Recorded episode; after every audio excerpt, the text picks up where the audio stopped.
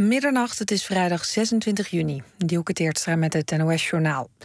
Onderzoekers van Harvard hebben een sneltest ontwikkeld voor ebola. Daarmee kan binnen een paar minuten worden bepaald of iemand de ziekte heeft. De huidige laboratoriumtest geeft pas na een paar dagen uitsluitsel. Voor de sneltest is één druppel bloed nodig en hij is net zo betrouwbaar als de laboratoriumtest. Daardoor kan ebola sneller worden behandeld en is er minder kans op besmetting. Volgens de Wereldgezondheidsorganisatie zijn op dit moment ruim 27.000 mensen met ebola besmet. Meer dan 11.000 mensen zijn aan de ziekte overleden. De Inspectie voor de Gezondheidszorg gaat onderzoek doen naar spermabanken. De inspectie gaat kijken of de klinieken hun archief op orde hebben. Met de maatregel wil minister Schippers donorkinderen van het medisch centrum Bijdorp uit Barendrecht tegemoetkomen. Bij die inmiddels gesloten spermabank kloppen niet alle gegevens, waardoor veel kinderen niet kunnen achterhalen wie hun donor is. En daar hebben ze sinds 2004 wel recht op. De minister bekijkt ook of er juridische stappen kunnen worden genomen tegen de oud-directeur van Bijdorp. De regeringsleiders van de Europese Unie hebben afgesproken dat 40.000 migranten uit Italië en Griekenland verdeeld worden over de andere lidstaten. Dat blijkt uit een uitgelekte ontwerpverklaring die in handen is van het Britse persbureau Reuters. De opvang moet wel vrijwillig gebeuren. De Europese Commissie wil de lidstaten verplichten om de asielzoekers uit Italië en Griekenland op te nemen, maar daar was veel weerstand tegen. Hoeveel migranten elk land nu precies opneemt, wordt later bepaald. Voor de herverdeling is twee jaar uitgetrokken. Het weer, het is bewolkt, het koelt af tot een graad of 13. Later vannacht in het noorden kans op regen. Overdag vooral in het zuiden wat zon. Er staat weinig wind en het wordt 23 tot 28 graden. S'avonds kans op buien. Tot zover het NOS-journaal. Er is verkeersinformatie van de ANWB op de A9 Amstelveen richting Alkmaar. Tussen Aalsmeer en Knopend Raasdorp staat 4 kilometer. Dit was de verkeersinformatie. NPO Radio 1. VPRO. Nooit meer slapen.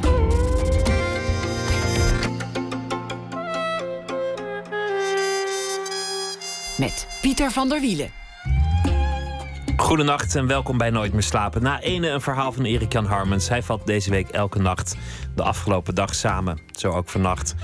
De romancyclus Let Thibault is eindelijk volledig vertaald. Schrijver Maarten het Hart is een groot fan en uh, breekt een lans voor dit uh, boek, voor deze serie boeken. Zometeen na ene. We beginnen met Monique Huiding. De Baas is uh, de titel van een thriller. Het gaat over de Tour van 2003, een van de spannendste uit de geschiedenis van de Tour de France. Le Centenaire was het, de honderdste Tour de France. De strijd ging tussen Ulrich en Armstrong. Over die Tour schreef ze een spannend boek. Wat als nou alles gescript was? Wat nou als het allemaal één groot complot was? Huiding schreef al eerder een boek, Thuis voor de Tour, samen met Anne Spapens, over hun gezamenlijke liefde voor de wielerronde.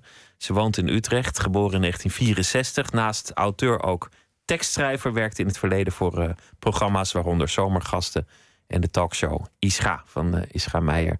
Hartelijk welkom, uh, Monique Huiding. Het gaat bijna weer beginnen, volgende week zaterdag. En dan ook nog in je stad. Ja. De, de, de eerste, het eerste deel van de, van de Tour de France. Voel je al een soort spanning? Hoe, gaat dat? Nou ja, ik leef dat natuurlijk wel naar, uh, naar het moment uh, toe dat, uh, dat de tour weer gaat beginnen. En dat is, ja, omdat het nu mijn eigen stad is, merk ik het natuurlijk ook in, in, op straat en in het straatbeeld. Want heel, heel Utrecht is geel aan het kleuren. En alle winkeltjes hebben fietsen in hun etalage, vlaggetjes en ja, noem maar op. Ze hebben de bomen helemaal ingepakt in bolle lappen en in gele lappen. En misschien zijn ze ook nog. Ik denk dat ze ook nog wel de, de groene en de witte uh, truien zullen gaan uh, eren door de, die bomen daarmee in te pakken. Dus uh, ja, het leeft. Je ziet gewoon dat het steeds. het wordt steeds. komt het dichterbij. En ja, dat is natuurlijk. dat heb ik nog nooit zo meegemaakt, uiteraard. Zo van nabij. Het is een van de wetten van de Tour de mm. France dat alles moet wijken voor de Tour. Waar de Tour neerstrijkt, ja. daar, daar moet alles opzij. Uh, restaurants dicht, winkels dicht, straten um, dicht. Um, mensen uit hun huis als het moet. Maakt allemaal geen donder uit. Ja. De Tour gaat altijd voor. En ook in Nederland. Dat, dat is eigenlijk het geestige dat de Tour de France ook in Nederland alles doet wijken. Zie je dat al in Utrecht? Nou, ik, ik las vandaag uh, op uh, ergens een berichtje dat uh, um, de gemeente uh, alle hun eigen regeltjes eventjes voor de Tour de France niet meer hoeft na te komen. Dat gaat dan over APV-regeltjes en bouwbesluiten en geluidshinder en dat soort dingen. Dat, dat doen we even niet aan tijdens de Tour. Dus dat vind ik wel interessant inderdaad. Dat is inderdaad de wet van de Tour. De Tour gaat ja, altijd gaat voor. Er dwars overheen, ja. Maakt het uit zo'n eerste ronde? Het is ooit in 79, zeg ik uit het hoofd, begonnen in Leiden. Een aantal jaar terug in Rotterdam. Nu dan in Utrecht. Gebeurt ook wel eens in, in andere landen dat, dat de, de Tour elders begint. Ja. Is dat eigenlijk een ronde die voor de wedstrijd iets uitmaakt? Uh, ik begrijp niet nou, de, is dat de, die start, hè? Ja? Die, die, die eerste kilometers, de Grand Départ. Is dat eigenlijk van enige invloed ooit op de wedstrijd? Doet hij ertoe? Ja, het is gewoon een echte etappe. En het telt, uh, de tijden tellen gewoon. Maar maakt hij ook uit voor de wedstrijd? Is het ooit spannend voor de echte toerliefhebber? Het, gaat, uh, het is pas de eerste etappe. En dan komen er nog twintig. Dus, uh, nou ja, maar je hebt natuurlijk al direct bij de eerste wedstrijd iemand in de gele trui. Namelijk de winnaar van die eerste rit. Dus dat is een heel belangrijke. En dat is, dus, in dit geval gaat het, is het een tijdrit. En in, heel vaak begint het met een korte tijdrit of een langere tijdrit. Of als het echt kort is, een proloog. Heel kort rondje. en dan hebben dus tijdrijders uh, voor het eerst de kans om de gele trui te veroveren. En wanneer een eerste etappe uh, een sprintetappe is, dan hebben opeens sprinters de kans om in, een, om in de gele trui te rijden. Zoals vorig jaar uh, Marcel Kittel. En op het laatst heb je klassementsrenners die de gele trui veroveren. Maar in het begin heb je dus andere type renners die de gele trui kunnen veroveren. Dus dat is ontzettend belangrijk. Ja, Meteen al. Je beschrijft in, in het vorige boek um, hoe die koorts langzaam het de boel overneemt in Huizen Huidink. Ja. Alles komt op de tweede plaats. Iedereen moet zijn leven om die tour heen gaan, gaan plannen. Er wordt gehamsterd. Er, Ja. neemt dan een soort spanning. Als het even kan, wordt er vrijgenomen. Afspraken worden er omheen gepland. De telefoon wordt ernaast gelegd als, dat, eh, als het enigszins mogelijk is. Ja, dus Alles, zoals, eh, alles kijk jij. Bij mij eh, moet ook alles wijken voor de tour. Nou ja, het is een beetje overdreven, een beetje aangezet. Maar het liefst wel, ja, dat vind ik wel. Als het zou kunnen, dan, eh, dan zou ik. als ik er tijd voor heb, dan kijk ik alles. Ja. Hij gaat gewoon aan op het moment dat de uitzending begint, televisie. En dan ga ik dat allemaal kijken. Ja. Sinds welk jaar? Wanneer begon die gekte? Ehm, ik, ik volgde het niet heel intensief tot eh, 1996, 97, toen Jan Ulrich opeens eh, aan het firmament verscheen. Als jonge nieuwe ster. en ehm, toen had ik opeens een idool. En dat is heel handig als je sport leuk vindt. Dan is het handig als je een, iemand, voor iemand, van iemand fan bent of eh, eh, supporter bent. Want dan ga je die wedstrijd anders beleven. Dus eh, dankzij Jan Ulrich ben ik in ieder geval de Tour heel erg gaan volgen in die tijd. Hij won hem in eh, 1997 ook. En daarna werd hij natuurlijk, en daar gaat de baas ook over mijn boek... daarna werd hij de hele tijd tweede achter Lance Armstrong... wat ik een hele vervelende vent vond om die reden. En ehm, eh, wat ik in, de, in mijn boek heb gedaan, in de baas... is juist gekeken naar die strijd tussen die twee mannen... Lance Armstrong en Jan Ulrich... Want dat waren toch elkaars eigenlijk eh, de echte rivalen in die tijd. en, ehm, en in eerste instantie eh, had ik bedacht eh, een, eh, een boek te schrijven over de Tour de France van 2003, want daar gaat het boek over. En dan toch Jan Ulrich te laten winnen. Want dat, dat, had je zo gehoopt en het had, Ja. had gekund. Ja. Ja, Jan Ulrich is ook een beetje een anti-held. Want je zegt één keer won die, daarna was hij altijd de tweede of, of, of minder dan de tweede. Maar er was altijd een soort hoop. Maar hij zat ook zichzelf altijd in de weg. Hij was aan het begin een beetje te dik of niet helemaal getraind. Of had toch te veel wedstrijden gereden, waardoor hij een, iets minder fit was. Het waren toch eigenlijk altijd dingen die ook wel iets met Ulrich zelf te maken leken te hebben. Ja, hij eh, had de neiging om niet erg gedisciplineerd eh, te zijn in de wintermaanden. En eh, dan kwam hij inderdaad kilo's en kilo's aan. Hij Hield er- van lekker eten. Hij hield erg van lekker eten, maar ook vooral van heel, heel veel wijn drinken. Rode wijn met name, geloof ik, dat zijn, eh, waar zijn voorkeur lag. En dan werd hij gewoon heel dik. En dan was hij te dik als hij dan aan de tour begon. En dan, maar hij dacht, van, nou, hij had zoveel talent. En dat is ook, eh, dat is ook echt zo. Hij was zo ontzettend goed, ook als, als je- jeugdige eh, wielrenner. Hij hoefde helemaal niet te trainen vroeger, want hij won toch alles. Ook al had hij twee maanden op het strand gelegen. Hij kwam weer terug in zijn sportacademie en dan was hij weer de beste. En dan word je natuurlijk op een bepaalde manier ook lui. Of je gaat hè, op, je, op je eigen enorme talent dan vertrouwen van nou, ik hoef dat allemaal niet te doen, want dat komt allemaal wel weer goed. Totdat er iemand opstaat die nog beter is dan jij. En dan gaat het natuurlijk fout. En diegene, dat was zonder meer Armstrong. Ja. Onder andere. Er zijn er meer geweest die uiteindelijk. Hij heeft ook van Pantani verloren in 1998. Ja. Het was ook een Oost-Duitser die, die wel goed Duits sprak, maar verder niet zoveel talen goed. Hij was ook altijd een beetje onhandig in interviews. En eigenlijk droeg het allemaal bij aan de sympathie die heel veel mensen hadden voor Ulrich. Een, een man die zich maar moeilijk wist te redden in dat circus van Gladjanissen. Ja, ja, hij sprak inderdaad eigenlijk uh, volgens mij alleen Duits.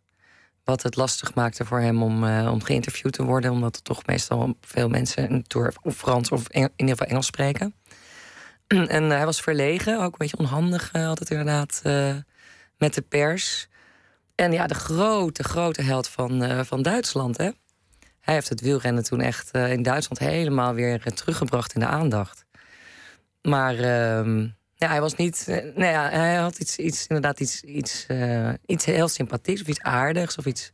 En iets heel romantisch dat hij af en toe ontsnapte als hij totaal geen kans maakte. Of ineens voorop ging fietsen terwijl je dacht: dit is veel te vroeg om voorop te gaan fietsen. Of dat hij een klim ja. aanging terwijl je dacht: heb je nou eigenlijk wel die benen om die klim nu aan te gaan? Ja, hij deed echt wel hele domme dingen af en toe, inderdaad. Ja. Maar dat gaf het ook iets, iets Don Quixote-achtigs, iets, iets romantisch.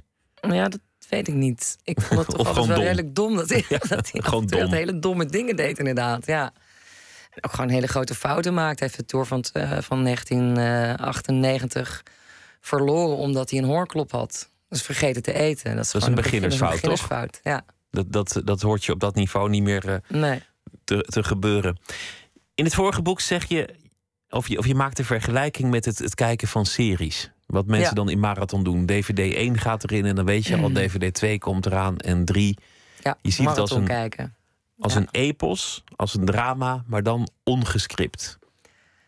Uh, ja, inderdaad. Dat, uh, dat is het leuke van. Dat, thuis voor de tour hadden we dat inderdaad zo uh, beschreven. Van je zit naar een, naar een, weergaloze, enorme lange serie van, van 21 dagen, of eigenlijk 23 dagen te kijken. Want je hebt ook nog rustdagen. En het, is een, ja, het, is een, het is een serie waarvan niemand het script kent. Want je weet nooit wat er gaat gebeuren. Je hebt natuurlijk wel vaste waarden, zoals uiteraard het parcours. En uh, nou ja, hè, tussensprints, noem maar op. Maar ja, je weet nooit hoe het afloopt. En, en je blijft, het gaat maar uren, uren en uren en uren gaat het maar door. En bovendien heb je dan, in ieder geval dat je dat tot vorig jaar, nog tot de avondetappe. En je had ook nog de Belgen met Vive le wat ook een soort gelijk programma is, wat ook heel leuk is. Ik kom maar de hele dag maar door blijven kijken naar die tour. En dat is natuurlijk nu nog steeds zo, behalve ik weet niet hoe laat dat programma van, uh, van de NOS nu uh, wordt uitgezonden. Maar ik meen dat dat om zeven uur is of zo, s'avonds. Ze gaan in ieder geval s'avonds iets doen. En volgens mij klopt het dat het zeven uur is. Ja, maar... avondetap was natuurlijk ook nog heel uh, dan wat later op de avond. Dus maar ze dan... zullen groots uitpakken, geen zorgen daarover. Oh, dat denk ik ook. Ja, zeker. Ja. Het leuke is dat je, dat je ook van heel veel dingen niet precies weet wat er nou gaande is. Uh, een ongescript drama. Is het nou een afspraak? Is het nou niet een afspraak? En daar is natuurlijk ook de grote dopingvraag uh, enorm bijgekomen. Ja. En steeds meer. In jouw thriller speel je daarmee. Je maakt namelijk van het ongescripte epos een gescript epos. Wat als er een kwaad genius achter de schermen is die een draaiboek heeft gemaakt en de hele tour heeft uitgeschreven en alles gepland. Ja. Hoe kwam je op die gedachte?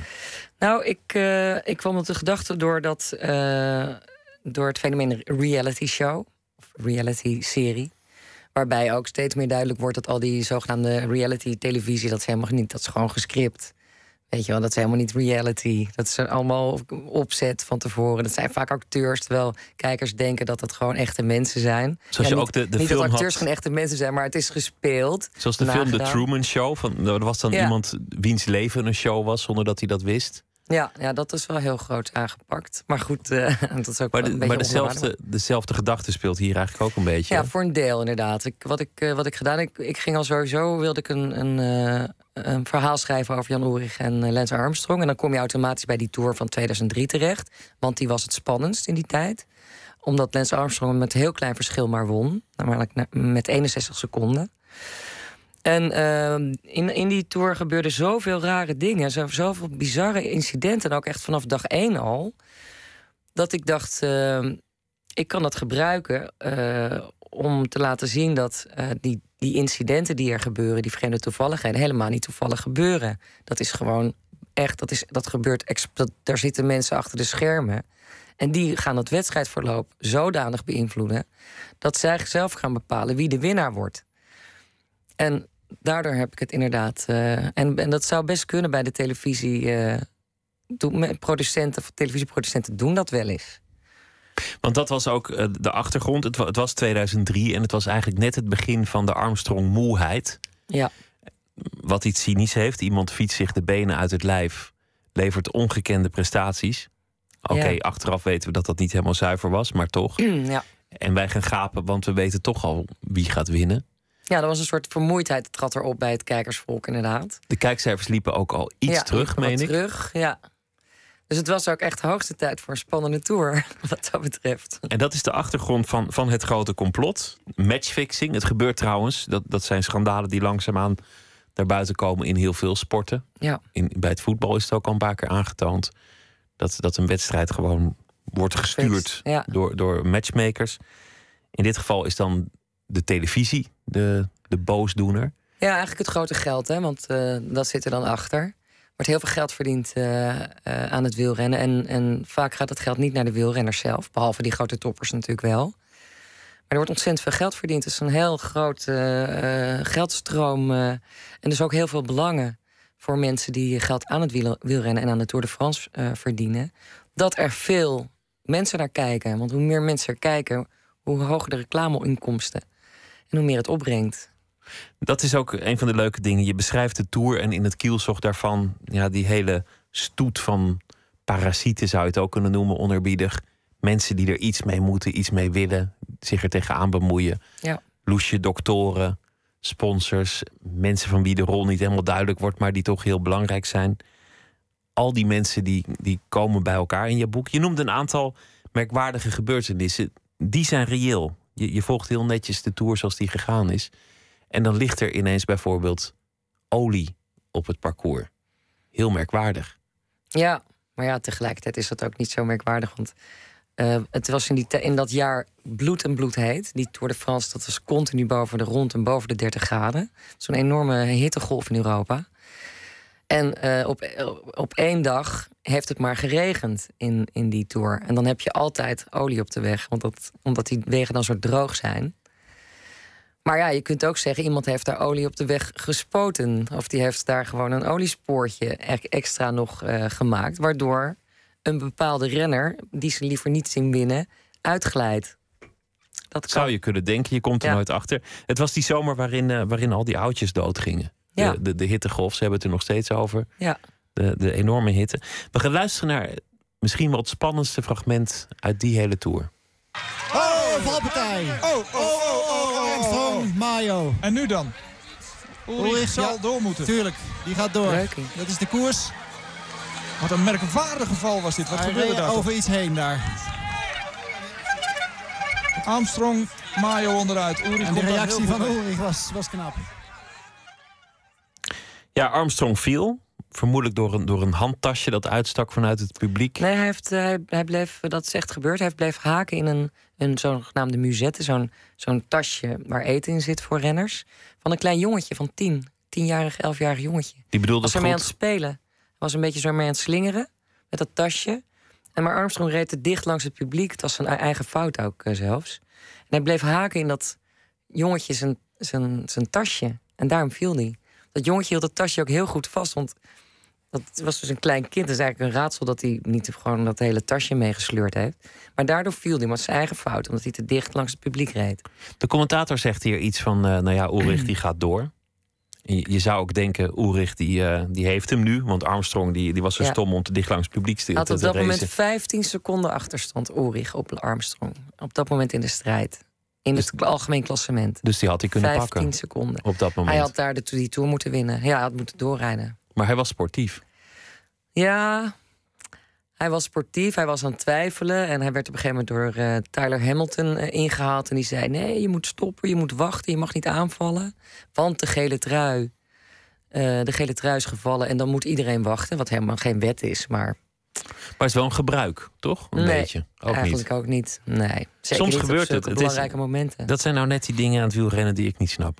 De ene keer zie je iedereen netjes wachten als er eentje dondert... en de andere keer rijdt iedereen door. Ja, het ligt aan de situatie. En het ligt aan Lance Armstrong. Ze waren ook allemaal onder de indruk van, eh, van Armstrong. En hij was nogal... Hij had veel macht hoor. Heeft ook heel veel mensen. Een man waar je geen ruzie mee wilde. Nee, hij heeft heel veel mensen echt eh, heel erg beschadigd. Ook eh, in, zijn, in, in die periode dat hij nog aan het rijden was. Hoe deed hij dat? Door, door, Nou, eh, heel veel rechtszaken en eh, mensen gewoon eh, van hun baan beroven. Of zorgen dat een bepaalde sponsor niet meer met die en die wil werken. Of ja, hij heeft echt. heeft heel veel mensen echt, echt benadeeld. Ja. wat, wat was de reden dat Ulrich op dat moment besloot om, om te wachten op Armstrong? Ja, dat zullen we nooit weten. Maar in ieder geval in zijn biografie, want daar heb ik veel informatie ook uit gehaald. Die ook over die tour ging. Biografie van, autobiografie is dat van, van Ulrich. Eh, zegt hij inderdaad dat, dat hij dat uit sportiviteit deed. En hij zegt ook in die, in die biografie zelf van dat zijn, zijn eh, eh, dat Rudy Pe- Pevenage, zijn ploegmanager, tegen hem zei ondertussen, terwijl die, terwijl die daar dus reed, denk wel na wat je doet, Jan, want dit is de Tour de France. En dat hij toch, want eigenlijk bedoelde denk ik Pevenage, rijd nou maar door, want je gaat de Tour de France anders niet winnen, hè? Maar dat hij toch besloot van ja, ik moet sportief zijn en, eh, en eh, fairness is, eh, is alles in, in raadsport, zei hij dan achteraf ook nog. Nou ja, dat is natuurlijk helemaal niet waar, want Dat is- gebruikten allemaal heel veel doping. Ulrich die, die is betrapt op doping. van Ja. Armstrong is het, is het verhaal bekend natuurlijk. Net zei ik, ja, Ulrich af en toe was dat echt nog de romantiek in de sport. Toen zei jij, nou, noem het ook maar gewoon dom. Dat geldt hier denk Ja. ik ook. Dat is wel een beetje. Ja, hij had gewoon moeten doorrijden. Het was gewoon dom. En ja, en ik denk dat hij dan had hij achteraf had hij vreselijk eh, bonje gekregen natuurlijk met Armstrong, want dat zou die onsportief zijn. Armstrong reed zelf ook door toen en dus in dezezelfde Tour Beloki bijvoorbeeld onderuit ging. eh, die op dat moment tweede stond. Toen reed Armstrong zelfs nog een heel stuk door, door het veld, door een, door een gemaaid veld. Wat, waardoor hij een heel stuk van het parcours afsneed. Waarvoor hij eigenlijk had moeten worden gedisqualificeerd. Maar dat is ook weer niet gebeurd, omdat de UCI dan ook wel weer vervelend vonden om Armstrong te disqualificeren bij zo. Maar toen wachtte hij dus ook niet. Dus het is onzin. Hij heeft wel geluk gehad eh, dat hij eh, Ulrich eh, kon intimideren. En, eh en Ulrich zo braaf was om te wachten. En anders had hij de tour gewonnen. Dat kan bijna niet missen. Een spannende tour en een spannend verhaal. En dan is er natuurlijk ook nog eh, eh, de doping. Daar gaan we het straks over hebben. Maar eerst Maaike Auwboter, want morgen zal ze te gast zijn in eh, Nooit meer slapen. Even na half één. We gaan luisteren naar eh, een nummer van het album van Maaike Auwboter met de titel Smoor. Mijn, jouw trui, omdat hij veel te lekker zat. En mij, jouw boek, omdat je steeds vergat hem bij me op te halen. En de brief die je nooit op de post hebt gedaan. De gevonden sjaal waarvan ik nooit wist dat ik hem ooit was verloren. Ben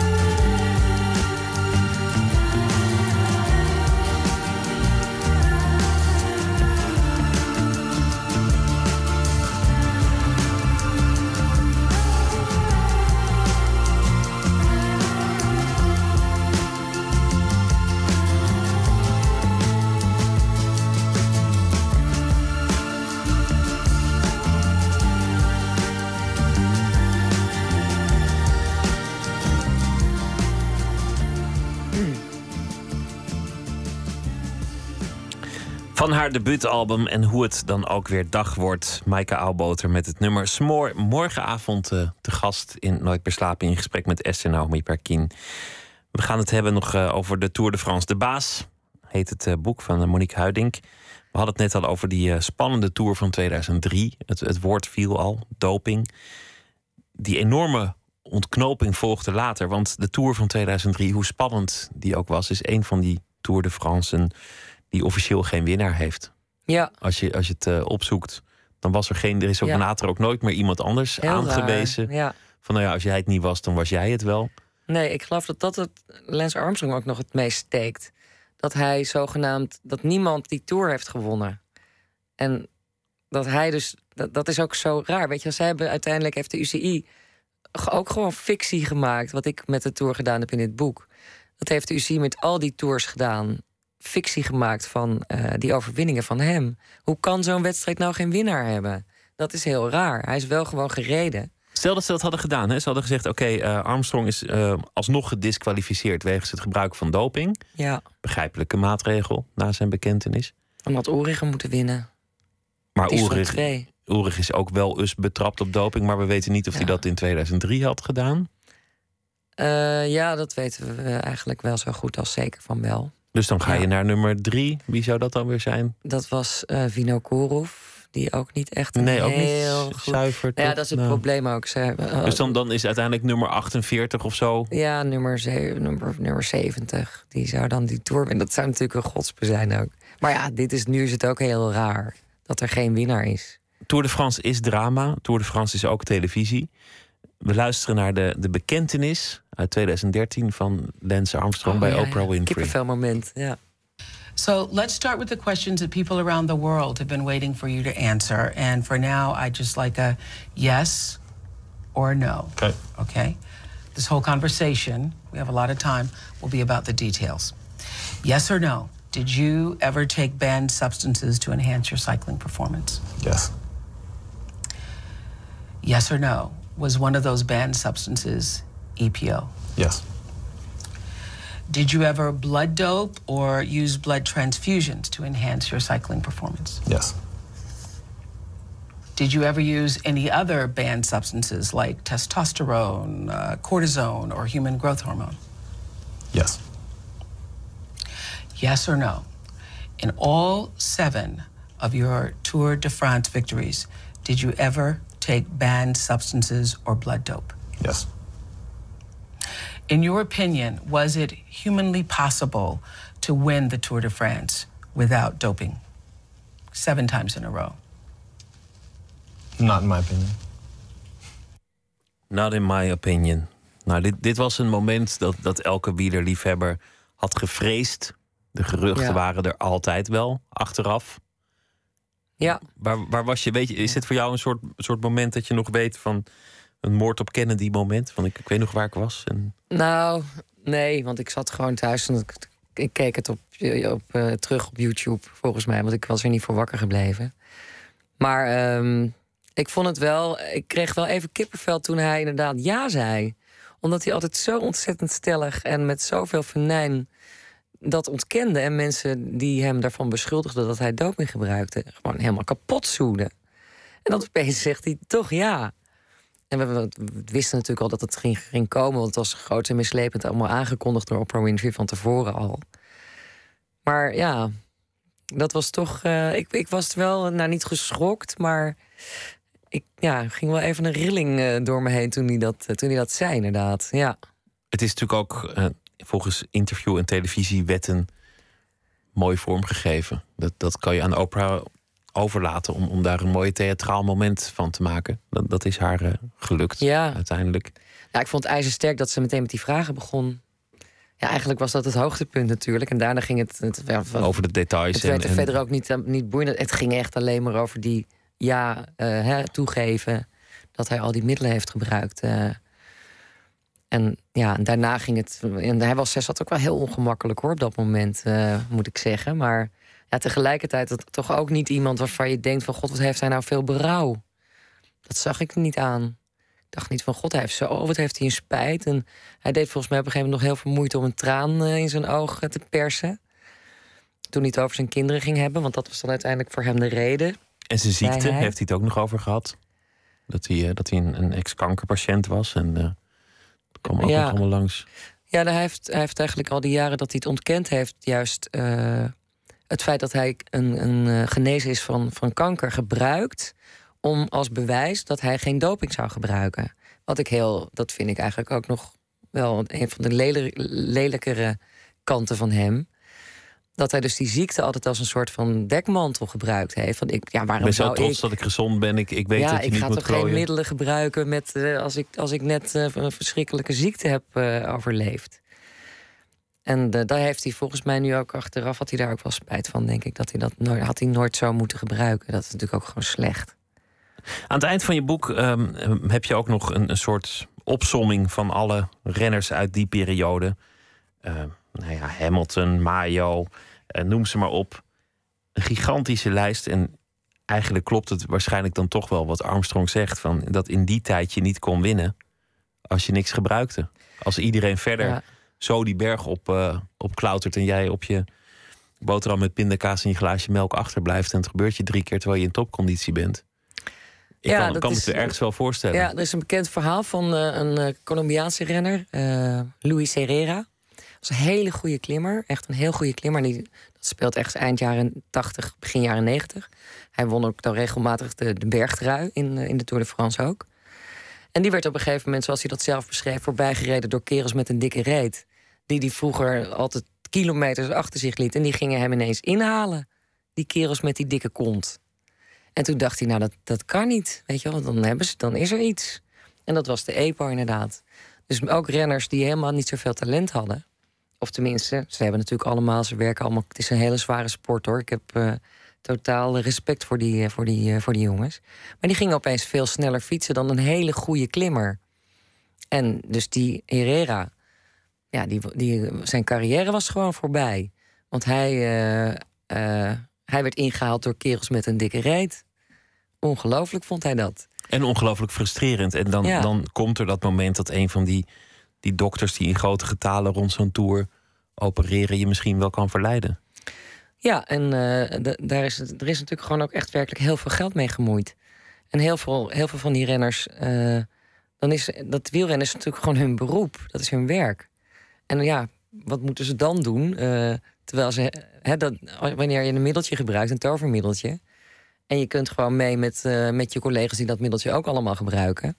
Ja, waarom zou je dat dan niet doen? Dat is denk ik ook een enorme groepsdruk geweest eh, in die tijd. Je hebt in je, je boek beschrijf je wat we eigenlijk niet weten. Want we weten welke doktoren erbij betrokken waren. We weten wie wel eens betrapt is en wie niet en van wie het aannemelijk is. Maar helemaal precies weet je het niet. En dat kan jij natuurlijk als schrijver invullen. Tegelijk lijkt het alsof jij ontzettend goed onderzoek hebt gedaan. Alles nog eens heel goed hebt nagelezen om het geloofwaardig te maken. Je bent als het ware gaan kijken naar wat weten we niet, maar wat kunnen we invullen? Hoe zou dat Ja. gegaan kunnen zijn? En dan heb je als lezer ook ineens dat je, dat je als het ware die zak bloed of, of, of die zak doping aan die ader ziet hangen. Ja, ja daarom heb ik ook voor gekozen om een, een deels eh, dus fictie eh, te gebruiken. Omdat ontzettend veel. Er zijn inmiddels heel veel boeken over de- deze periode geschreven. En eh, allerlei documentaires gemaakt noem maar op. En dat ben ik allemaal gaan lezen en heel goed uit gaan zoeken. En er zijn natuurlijk ook gewoon officiële rapporten, zoals het USADA-rapport, eh, het dopingrapport van de Amerikanen. Op basis waarvan Armstrong geschorst eh, is en gestraft. En daar staan gewoon heel veel, eh, eh, heel veel feiten, feitelijke verklaringen in van waar, wanneer en hoeveel doping ze gebruikten. En dat heb ik helemaal gereconstrueerd. Maar daarvoor had ik wel een fictie-element nodig. Eh, om dat voor de lezer inzichtelijk te maken. Hoe ging dat dan? Dus ik, in mijn boek ga, zit je gewoon als lezer in de, in de, in de, in de hotelkamer van Armstrong. Waar inderdaad als een soort van amateurtoneel ziekenboegachtig ding is opgetuigd. Waar bloedzakken aan kleine spijkertjes en aan, aan kleerhartjes hangen. En waar die jongens met z'n allen gewoon even een halve liter vers bloed aan het nemen zijn. En daar, had ik, en daar kun je fictie heel goed voor gebruiken natuurlijk. Omdat, eh, en ze hebben dan onder- onderling ook nog gesprekken. En ze moeten het natuurlijk toch geloofwaardig houden. En je moet natuurlijk toch ook oppassen voor de autoriteiten en, en de controles. Ja. En het is natuurlijk zo dat je, dat je hoe dan ook wel een bepaalde mate van supplementen tot je neemt. Ik bedoel, er gebeurt al altijd iets medisch met, met een sporter op dat niveau. Wat, wat heb je geleerd over, eh, door dit zo te reconstrueren? Wat heb je geleerd over dopinggebruik? Wat heeft jezelf als inzicht verbaasd? Nou, dat EPO moet echt fantastisch spul zijn. Dat moet wel zo'n geweldig spul zijn. Een heerlijk middel. Want je gaat er veel harder door fietsen. Je voelt geen pijn. Je kunt Maar ineens, is, eh, is dat zo? Want, want er is een, een onderzoek van, van farmaceuten van het Leids Universitair Medisch Centrum, alweer een paar jaar geleden. Die hebben dat onderzocht en die zeggen: het meest tragische aan EPO is dat het helemaal niet werkt. Je gaat er niet harder van fietsen. Oh, Zeggen zij hoor. Dat, dat, dat, zijn, dat is gewoon de farmaceuten die de werking van medicijnen onderzoeken. En die zeggen: ja, dat is nog het meest tragische volgens dat ons. vind is ik wel een heel raar verhaal. Want eh, volgens mij is het gewoon een geneesmiddel... dat ook gegeven wordt aan, eh, aan oudere mensen... die slechter te, slechter te been zijn. En die gaan, die gaan beslist beter lopen als, ze- als ze dit middel... eh, Je krijgt wat meer zuurstof en, en wat meer eh, rode Ja. bloedlichaampjes in je, in je Ja, lijf. ja je, je rode bloedlichaampjes worden daardoor aangemaakt. En die vervoeren zuurstof naar de spieren. En dus kun je meer eh, spierkracht ontwikkelen, maar het ook langer volhouden.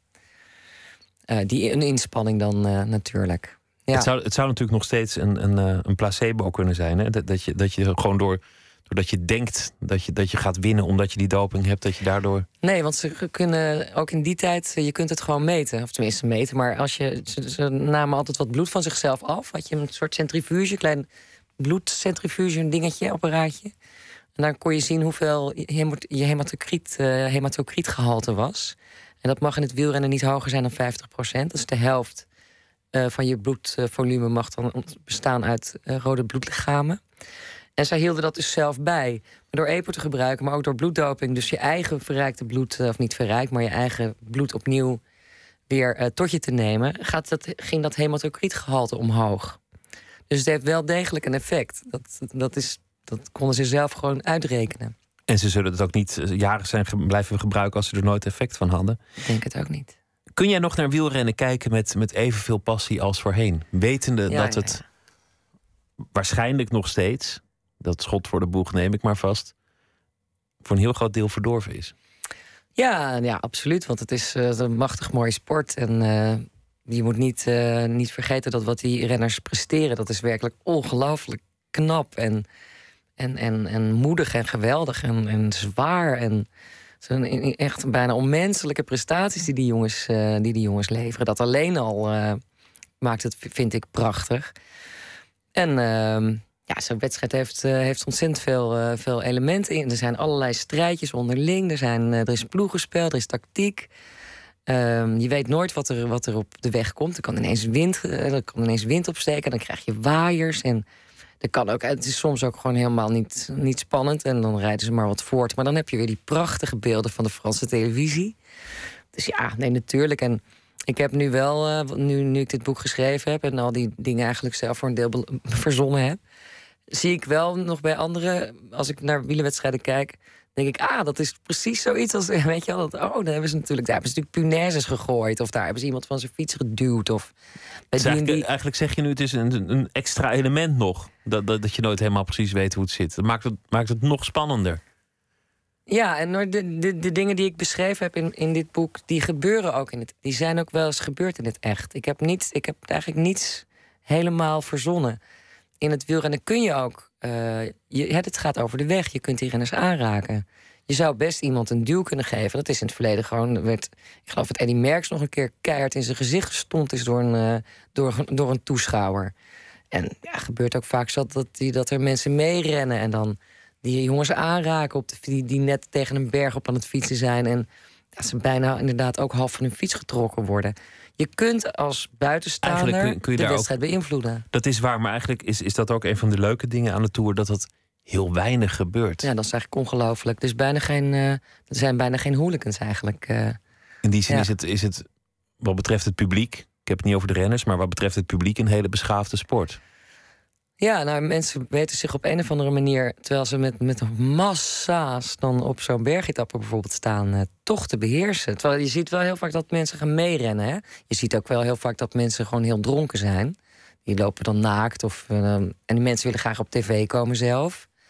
En daar is het altijd wel een beetje link. Maar dan zie je vaak dat mensen uit het publiek, ook zo'n man, of het zijn meestal jongens, gewoon weer naar zich toe trekken van laat die rennen met rust. Dat Ja, is heel je- leuk om te zien. Dat wielerpubliek is ieders wedstrijd. Ja, Ja. dat is eigenlijk een, eh, ja, ik zou bijna zeggen, een zeer beheerst eh, publiek inderdaad.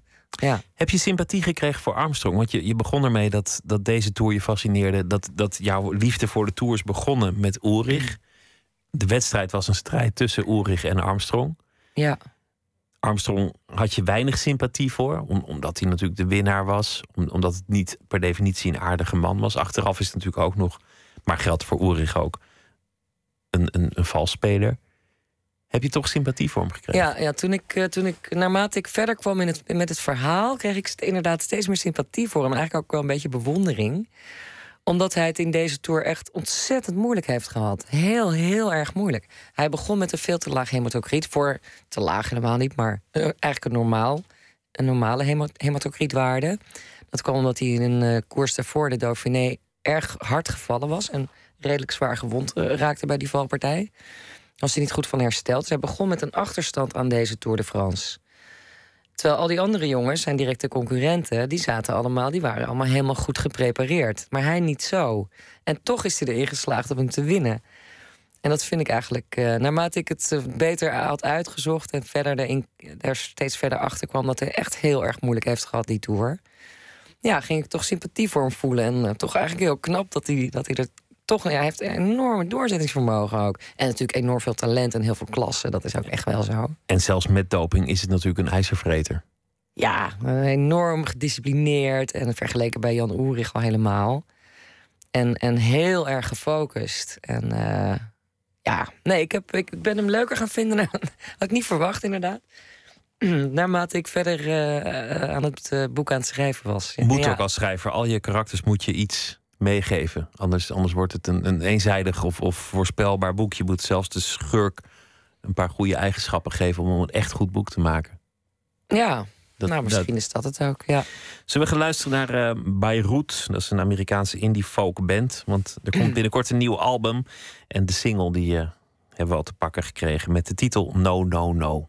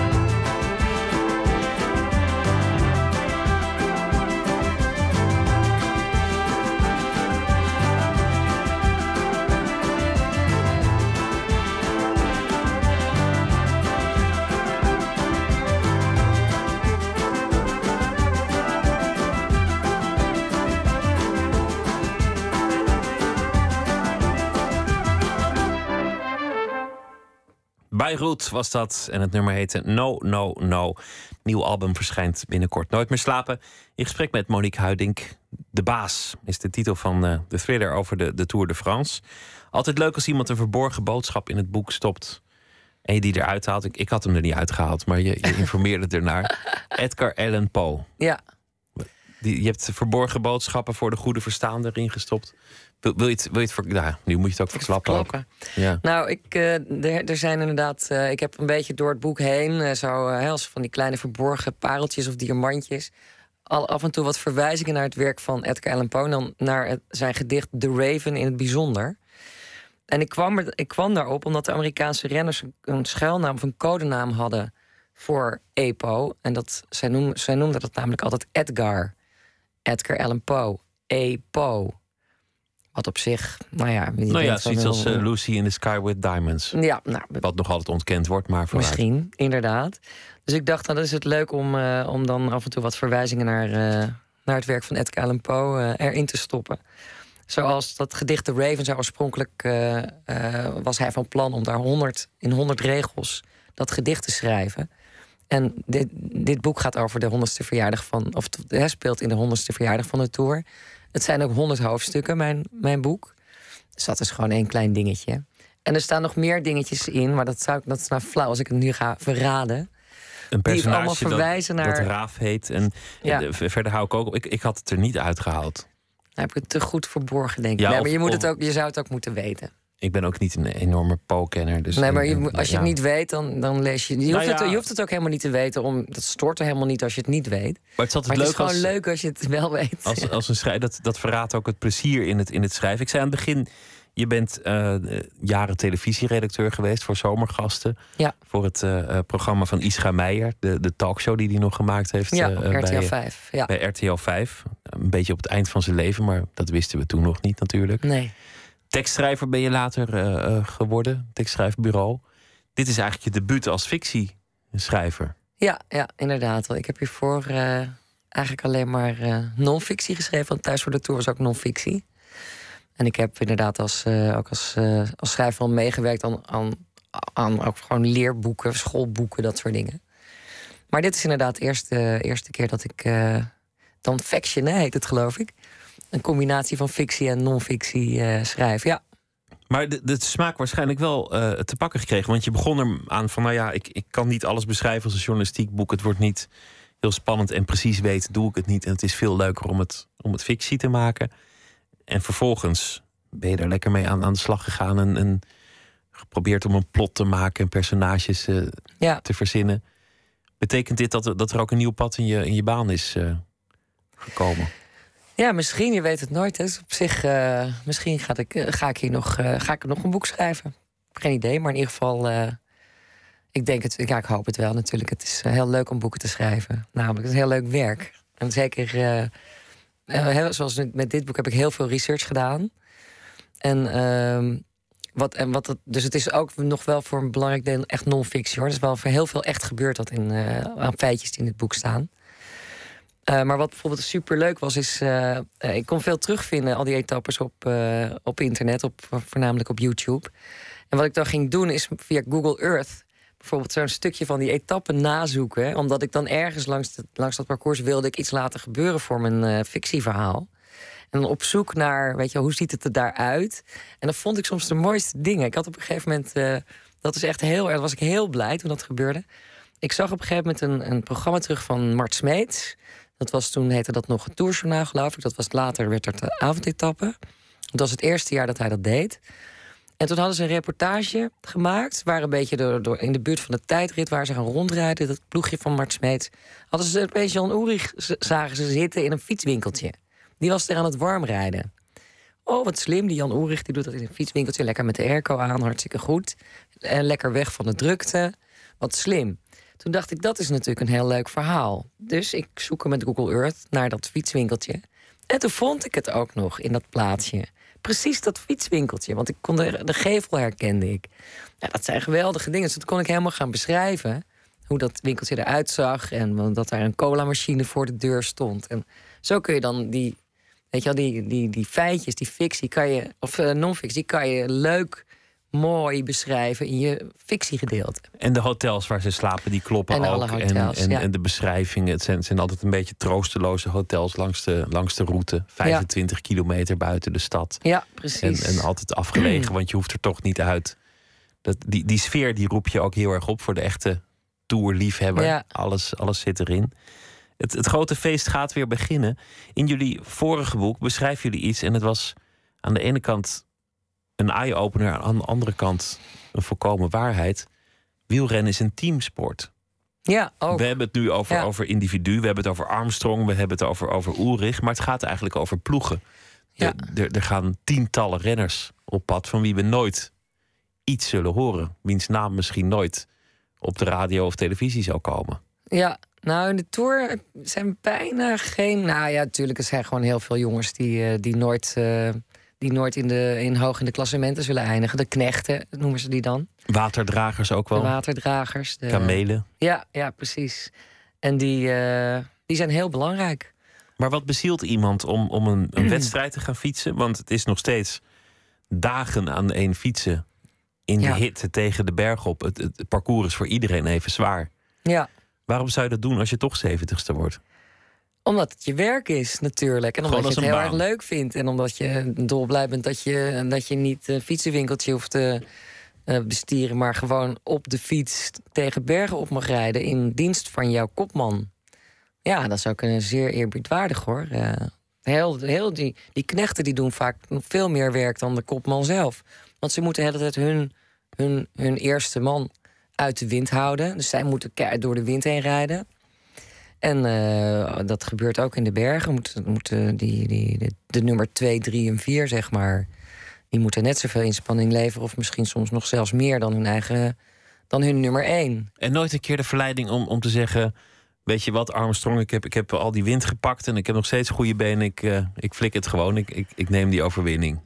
Dat, dat gebeurt wel eens. Maar heel, heel weinig. Maar dan krijg je waarschijnlijk ook eh, op je donder. Bij Armstrong durfden ze dat niet. Maar Nee. bijvoorbeeld Froome en, eh, en Wiggins... eh, die Tour van 2012, dacht ik, won Wiggins volgens mij. Hè? Ja, van 11 of 12, weet ik niet meer. 12 geloof ik. En Chris Froome was zijn meesterknecht, noemen we dat dan. En je kon eigenlijk zien dat Froome beter was dan Wiggins. En die ging op een gegeven moment ook een beetje vervelend doen. Zo van, pak mijn wiel nou maar, weet je wel. Eh, eigenlijk kan ik sneller, ben ik sneller dan jij. En een jaar later won Froome eh, vervolgens ook de Tour.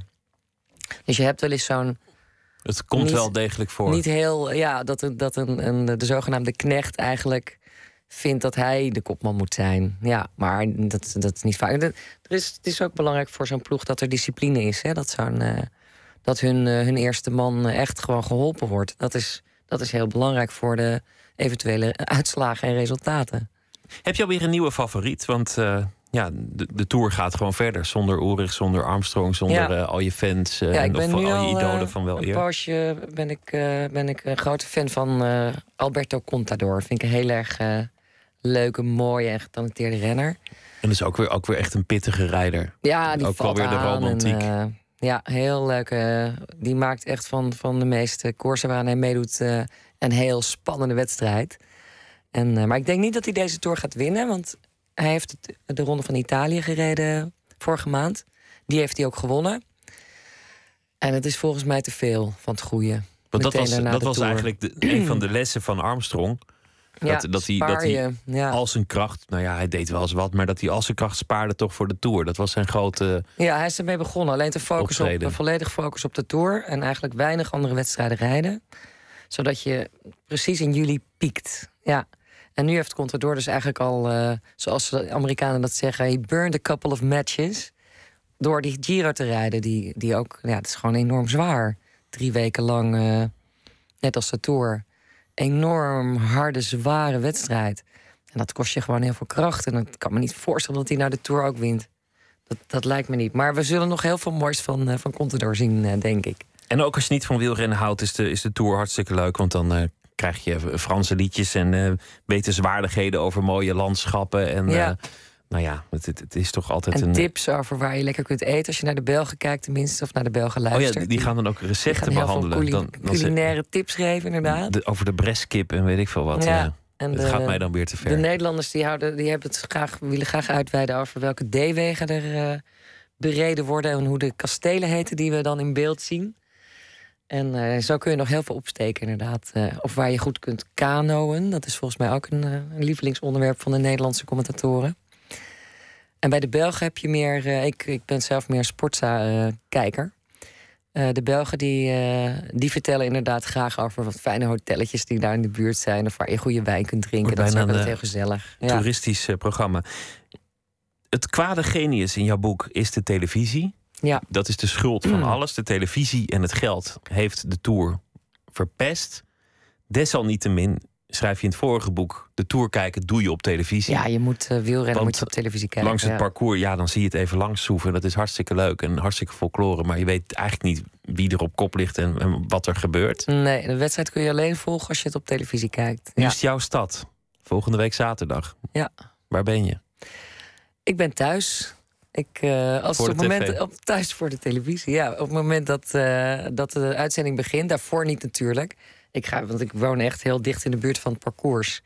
Ik ga natuurlijk 's ochtends kijken op, die, op, die, op dat tijdritparcours. Want dan zijn de jongens al aan het inrijden aan het, eh, het parcours aan het verkennen. Dat is natuurlijk hartstikke leuk.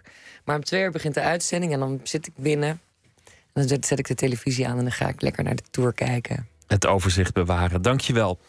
De baas is de titel van het eh, boek. Monique Huiding, dankjewel. En een eh, nou ja, hele prettige Tour de France wens ik je toe Dankjewel. bij deze.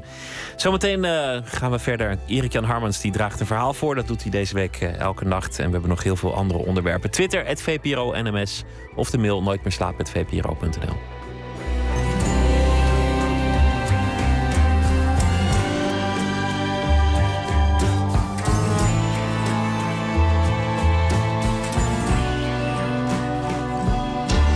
Op Radio 1. Het nieuws van alle kanten.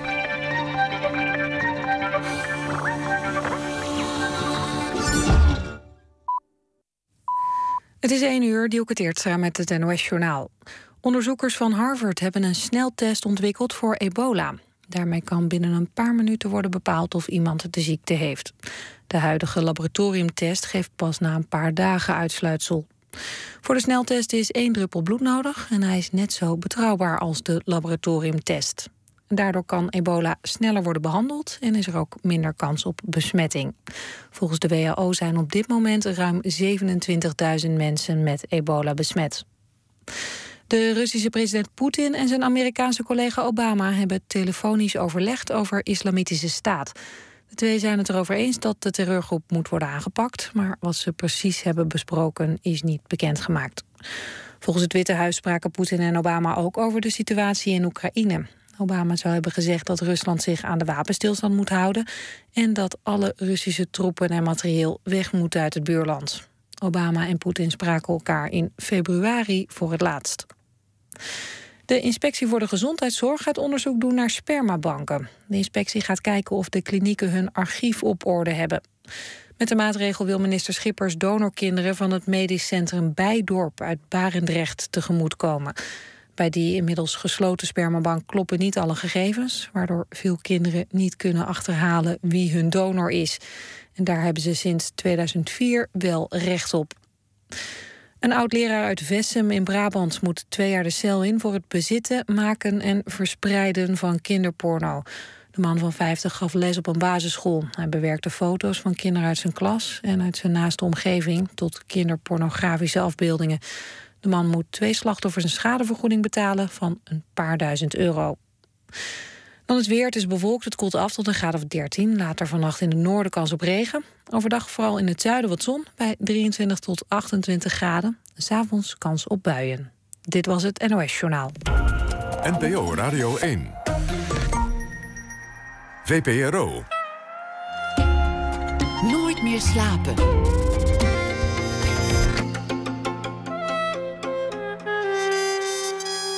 Met Pieter van der Wielen. U luistert naar Nooit meer slapen. We gaan het hebben over gedateerde interieurs. Alsof de tijd heeft stilgestaan. Fotograaf Annabel Oosterwegel die, eh, vond twee bungalows met interieur uit de jaren 60. En maakte daar een fotoboek van. Het is eh, inderdaad alsof de tijd heeft stilgestaan. Maarten het Hart die kan er nog steeds niet bij. Waarom het eh, boek van Roger Martin Dugard, Let Thibault, zo'n enorm internationaal succes is. Maar in Nederland nooit helemaal van de grond is gekomen. Straks dus gaat hij proberen het aan te prijzen. Erik Jan Harmens is schrijver. Deze week zal hij elke nacht een verhaal voordragen over de afgelopen dag. Hij heeft ook eh, dichtbundels geschreven trouwens. En zijn laatste boek heet Hallo Muur. Goeienacht, Erik Jan. Goeiedag, Pieter. Ja, de afgelopen dag. Vertel eens. Ja, ik heb, eh, ik heb me verdiept in, eh, nou dat had ik eigenlijk al, maar eh, er is een liedje wat nu ontzettend populair is. Het is volgens mij het meest gestreamde liedje op Spotify. Dat is heel modern om dat zo te zeggen, maar dat betekent dat het gewoon heel vaak wordt gedraaid op Spotify. En het is een Nederlands lied en het heet Drank en Drugs. En het is van eh Little, of Lil Kleine en Ronnie Flex, zo moet ik zeggen, dat is het duo. En dat is een, eh, ja, een lied over drank en drugs. En het is ontzettend populair en het baart eh, veel mensen veel zorgen... omdat het de jeugd zou aanzetten tot, nou, tot gebruik van drank en drugs. Het is zomer en daar, dat, daar horen zomerhits bij. En zomer is natuurlijk ook bij uitstekken. Nou ja, volgens mij zijn alle seizoenen trouwens seizoenen voor drank en drugs. Ja, dat bedoel, als je- ja, dat is helemaal niet seizoensgebonden. Maar op de een of andere manier, omdat het meer buiten gebeurt, hebben we de indruk dat er zomers meer drank en drugs worden, worden gebruikt. Ja. Het is een hit. Ik kijk even naar de technicus. Ja hoor, daar komt hij. Als je bitch wil chillen is het geen probleem, dan ga ik erheen. Ik kom niet alleen, want ik heb drank en drugs. Ik heb drank en drugs. Als je bitch wil chillen is het geen probleem, dan ga ik erheen. Ik kom niet alleen, want ik heb drank, en drugs. Ik heb drank en drugs. Als je bitch wil chillen en ze belt mijn nummer, dan ga ik wel komen, want ik ben flexibel. Nu ben ik in de club, nu sta ik voor de spiegel. Ik kan niet voor je liegen. Ja, ik vind het onweerstaanbaar. Als ik het nu zo door de telefoon eh, hoor, dan zit ik al meteen met mijn hoofd eh, mee te deinen.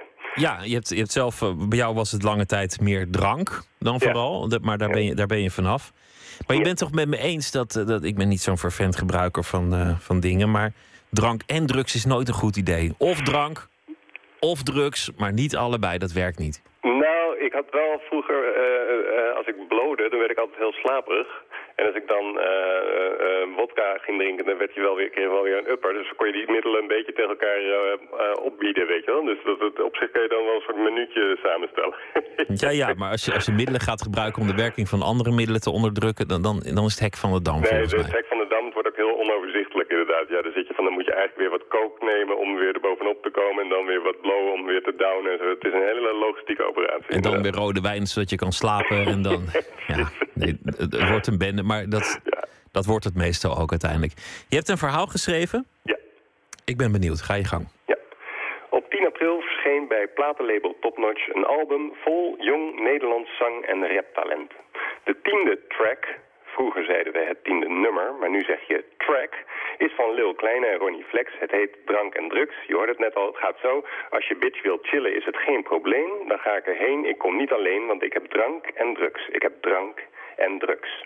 Ik ben zelf alcoholist. Ik heb 25 jaar lang veel gedronken en nu doe ik dat niet meer. Toch vind ik drank en drugs een tof nummer. Ik bedoel track. Het is aangenaam provocerend in de traditie van Serge Gainsbourg en de Sex Pistols en het is grappig. Er zal niet heel lang over zijn nagedacht, maar dat is niet erg, want er wordt al genoeg nagedacht. Bijvoorbeeld over een mogelijke Grexit of hoe het fout ging met de Vira. Ik snap ouders die schrikken als hun 12-jarige vanaf de achterbank van de Volvo meerept. Alle tieners zeggen ja tegen MDMA. Maar bijna 40 jaar geleden zongen pubers mee met I'm Jury.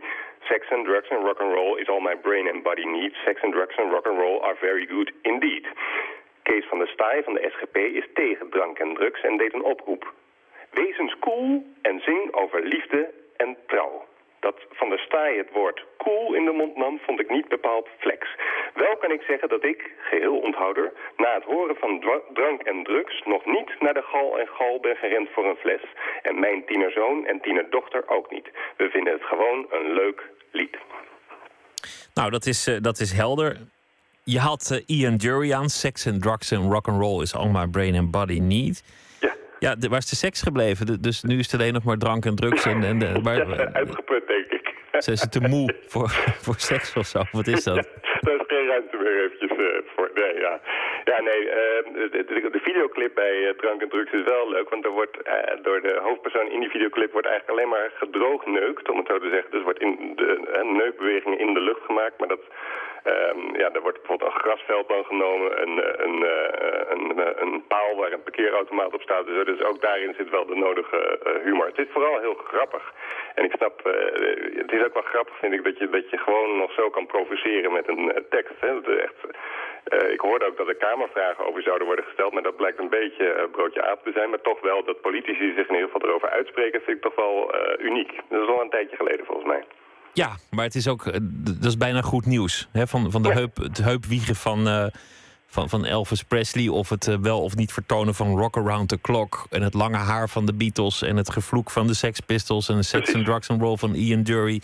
En dan eindelijk in 2015 Eindelijk. Mogen we ons weer, weer Ja, druk zo- Dat maken. gevoel kreeg ik wel, ja. Ik dacht van, hè, hè, we, we kunnen weer op de kast. Fijn. Ja, en nou ja, kamervragen, dat, dat is dan niet gebeurd. Van eh, bitter lemon moeten die jongens drinken. Ja. dat is waar, ja. Nou ja. Erik Jan Harmens, dankjewel voor het verhaal. Hele goede nacht. En eh, morgen graag weer een verhaal. Zeker, dank je. The one, the only good addiction is love. Is de titel van het nieuwe album van eh, Sean Taylor. Hij brengt een eerbetoon aan eh, grote kunstenaars als eh, Federico Garcia Lorca en Jack Kerouac. Ook aan Mark Rothko, de schilder. En dat is het volgende nummer. De titel is dan ook Rothko.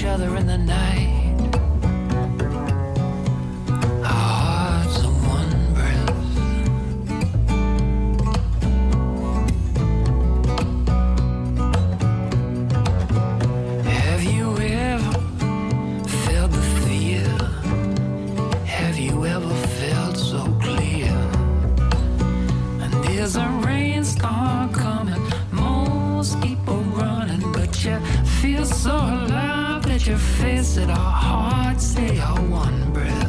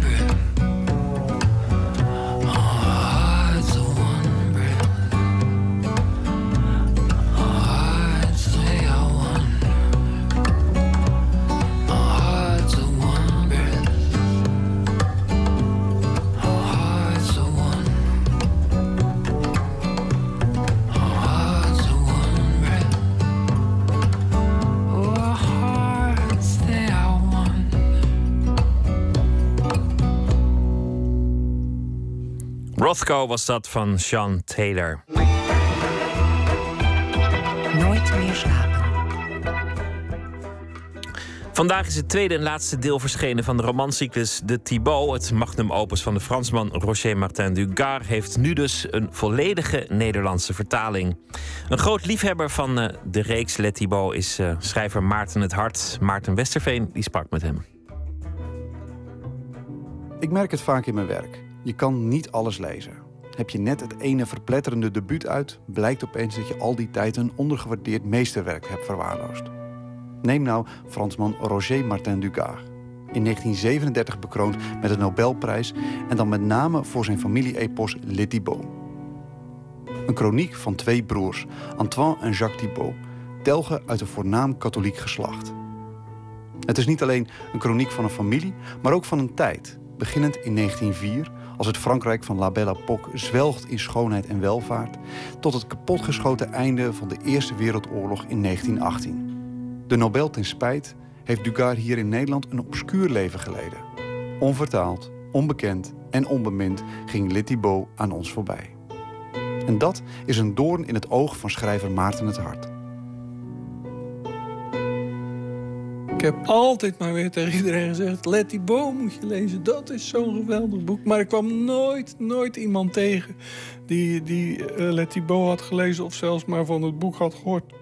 Zo'n goede verteller is als Martin Dugard is een beetje verdacht. In Nederland willen ze juist proestachtige schrijvers hebben, ingewikkeld... en waar, waar je echt op moet studeren. En ja, zo'n zo'n heldere, glasheldere stijl en zo'n gemak waarmee het allemaal op papier lijkt te zijn gezet, dat verwantrouwen wij.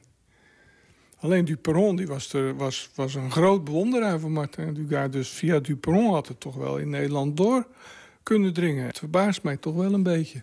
Dat was in de zomer van 1961, geloof ik, of 62. 62. Ik was uh, uh, net klaar met de middelbare school en ik had toen veel tijd. Want de studie biologie zou pas ergens in oktober 62 beginnen. Nou, toen dacht ik, dan ga ik Let Thibaut lezen. Het waren acht dikke delen in de Livre de Poste, weet ik nog wel. En uh, vrij kleine lettertjes. Maar ik had ook al geprobeerd om Proust te lezen... à la recherche du temps perdu. Nou, daar kon ik echt helemaal geen touw aan vastknopen. Dat was echt veel en veel te... Ik was wel goed in Frans. Frans was op de middelbare school toen nog de eerste taal. Je kreeg het in de eerste klas al vijf uur per week. Tegen Engels maar drie uur en Duits helemaal niet. Dat kreeg je pas in de tweede klas. Dus mijn Frans was wel goed. En ik had ook al heel wat boeken in het Frans gelezen. Maar Proust, nee, dat was echt... Dat was echt moeilijk. Dus, en dat was ook een boek, dat is ook een kolossaal dik boek. Dus toen viel eigenlijk Let die nog wel mee. En dat bleek bovendien vergeleken met die Proest helemaal niet moeilijk te zijn. Integendeel, dat kon je gewoon zo lezen.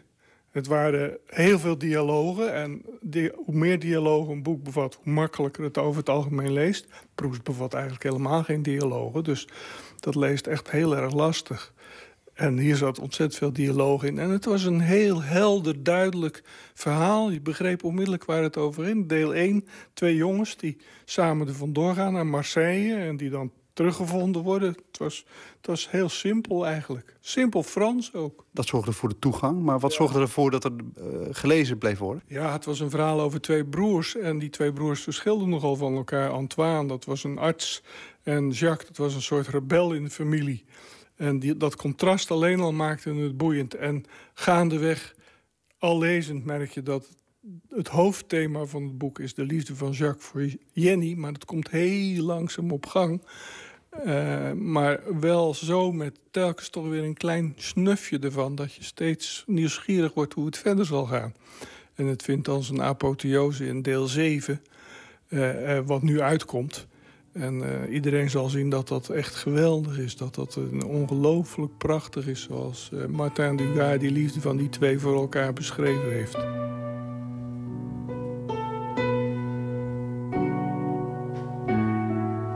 Het eerste wat mij trof was het enorme uh, tempo van deze man. Een, een, heel modern tempo. Er zitten veel cliffhangers in.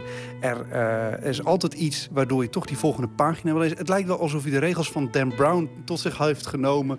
voordat Dan Brown ook maar een pen op papier had gezet. Dat klopt. Het is natuurlijk een ongelooflijk goede verteller, deze Martin Dugar. Een, een man die weet hoe je een verhaal moet vertellen... en het zo moet vertellen dat je verder wil lezen. Dat je wil weten hoe het verder gaat. En dat komt omdat die personages erg levend zijn voor je. Die Jacques en Antoine zie je voor je. Die vader ook heel erg.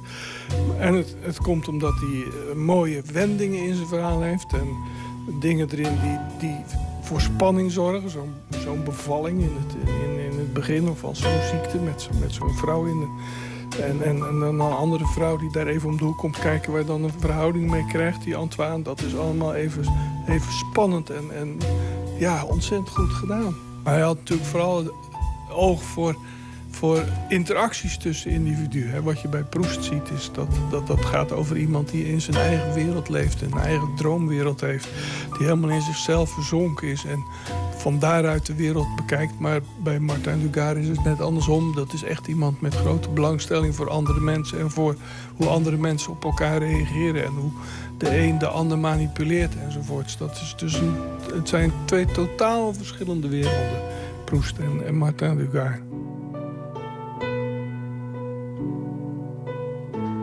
De Thibauts en hun lange weg naar de loopgraven van de Eerste Wereldoorlog volgen we door de ogen van een groots ensemble. Niet alleen door die van de Thibauts zelf, maar ook vele anderen, zoals onder andere het protestantse geslacht de Fontenain.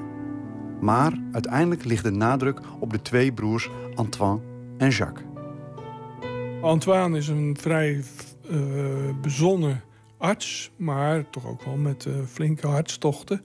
Maar hij is wel uh, verstandig en evenwichtig en plichtsgetrouw. En Jacques is een echt rebel. Die wil, die wil de hele zaak omverwerpen en een revolutie veroorzaken. En ja, probeert ook die hele Eerste Wereldoorlog tegen te houden met allerlei acties in, in, in, in buiten Frankrijk zelfs. Maar Jacques die heeft één zwak puntje. En dat is dat hij verliefd is op Jenny. En die liefde overwint alles. En dat is echt ontroerend. Dan begint die Eerste Wereldoorlog. Dan, uh, en, en dan is er allemaal ellende in Parijs. En, uh, en, en Jacques en Jenny die lopen daar doorheen. En die kunnen maar aan één ding denken, namelijk aan elkaar. En dat is... Ach, dat heeft hij zo prachtig gedaan. Dat is zo verschrikkelijk ontroerend. Iedere keer als je het weer leest, moet je er, krijg je er weer tranen bij in de ogen sloot erg aan bij mijn. Ja, je zit natuurlijk. Ik zat toen nog midden in een geloofscrisis. En dat speelt ook een belangrijke rol in het boek. Antoine, die, is, die, die heeft moeite met al die priesters om hem heen. En Jacques moet er al helemaal niks van hebben. En dat, dat sprak me enorm aan. En dat sombere slot, die epiloog aan het eind, waarin eigenlijk alle geloof werd afgezworen. Ja, dat, dat was voor mij op dat moment precies wat ik nodig had. Dat echte geniepige Franse protestantisme zit er ook heel prachtig in verweven. En, en het katholicisme met al zijn, zijn griezelige kanten... dat is uh, allemaal ontzettend goed door hem op papier gezet. Ja, het was natuurlijk echt wel een, uh, een grootmeester, toch. Maar, en, maar dat maakt geloof ik ook dat hij in Nederland niet zo bekend is geworden. Hij was ook heel bescheiden. Hij, vond dat hij zelf eigenlijk helemaal geen geweldige schrijver was. En hij heeft dus nooit aan de weg getimmerd of geroepen van... ik ben de grootste schrijver, zoals Moelis bijvoorbeeld. Dat is een hele goede strategie, maar zo iemand was het helemaal niet. En toen hij een Nobelprijs heeft gekregen, toen is hij ook ondergedoken... want hij wilde helemaal niet dat hij geïnterviewd zou worden en zo. Hij schrok zich dood. Het is heel duidelijk dat, uh, dat Martin Dugas eigenlijk de aanloop naar de Eerste Wereldoorlog wil beschrijven. Dus hoe komt het nou dat het in Frankrijk zo loopt dat die Eerste Wereldoorlog uitbreekt en dat, uh, dat er niks. Dat verstandige mensen die er toch ook geweest zijn, niet hebben gezorgd dat dat niet gebeurd is. Hij laat ook heel goed zien dat die oorlog. Uh, uitbreekt en hoe die oorlog uitbreekt, ook in Frankrijk. Het hele boek is opgebouwd naar deel 7 toe. Deel 7 is het belangrijkste deel. Dat zijn, het is dus ook eigenlijk een uit zijn krachten gegroeid deel, deel 7. Deel 7 dat bestaat in feite uit drie hele dikke delen. En dat is de, twee, de Eerste Wereldoorlog die daarin zit. die wordt daar in deel 7. De aanloop ertoe en de pogingen om te voorkomen dat die oorlog uitbreekt en de mislukkingen daarvan, dat wordt heel precies beschreven. Maar de eerste zes delen die zijn dus als het ware een voorloper van deel 7. Deel 7 is de apotheose van het boek en laat zien, het moest er wel zo op uitlopen, op deze verschrikkelijke catastrofe. En hoe balanceert hij het literaire met het historische? Nou, hij is heel precies in de historie. Hij heeft ook een boek geschreven over de Dreyfus-affaire. Dat heeft hij ook heel precies gedaan. Maar hij wil precies laten zien hoe die Eerste Wereldoorlog, hoe dat gebeurd is. Hoe dat zijn beslag heeft gekregen in Frankrijk. En al die delen daarvoor zijn in zekere opzicht alleen maar een aanloop daartoe. Je krijgt een geweldig mooi beeld van Frankrijk voor de Eerste Wereldoorlog. En je krijgt een prachtig beeld van twee broers die erg contrasteren. En ehm, een zicht op, op, eigenlijk toch op het hele leven. Hoe, hoe benauwend alles kan zijn en hoe je je eruit kunt bevrijden. En hoe als het lukt om je eruit te bevrijden, het toch allemaal mis kan lopen. Want het eindigt natuurlijk wel met grote droefenis allemaal.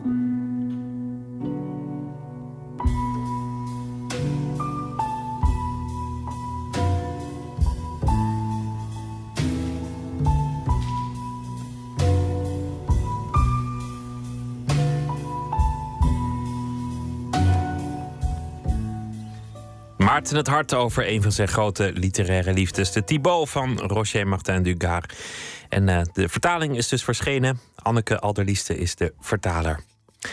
We gaan luisteren naar Fink, de band rond de Engelse zanger-gitarist Finn Greenall. Hij was ooit eh, DJ, maakte de overstap van elektronische muziek naar het eh, genre wat hij nu bedrijft. Dinsdag zullen ze optreden in Zwolle, poppodium Hedon. We gaan luisteren naar het nummer Keep Falling.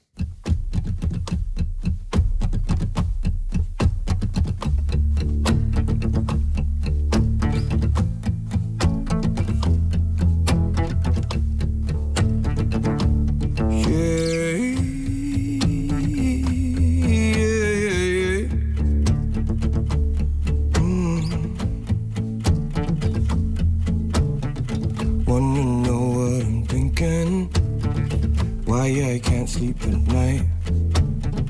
Wanna know what I'm drinking? Double love and nothing's fine. Cause I'm alright now. Cause I'm alright. I'm alright. Mm. Wanna know what it feel like to be so far from home. I've been on the wrong side, baby, for so long that it feel right now, and it feel right, it feel right. Mm. We keep falling until you can't fall no more. Until you feel like you've been falling for way too long. Then you will know about me, baby. You'll know about me.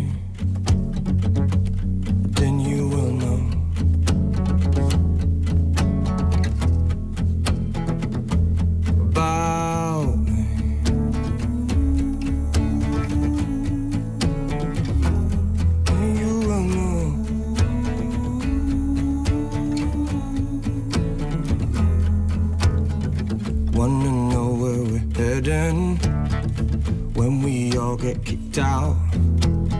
I see you carefully treading on the fire I already put out. That's alright, no? That's alright. That's alright.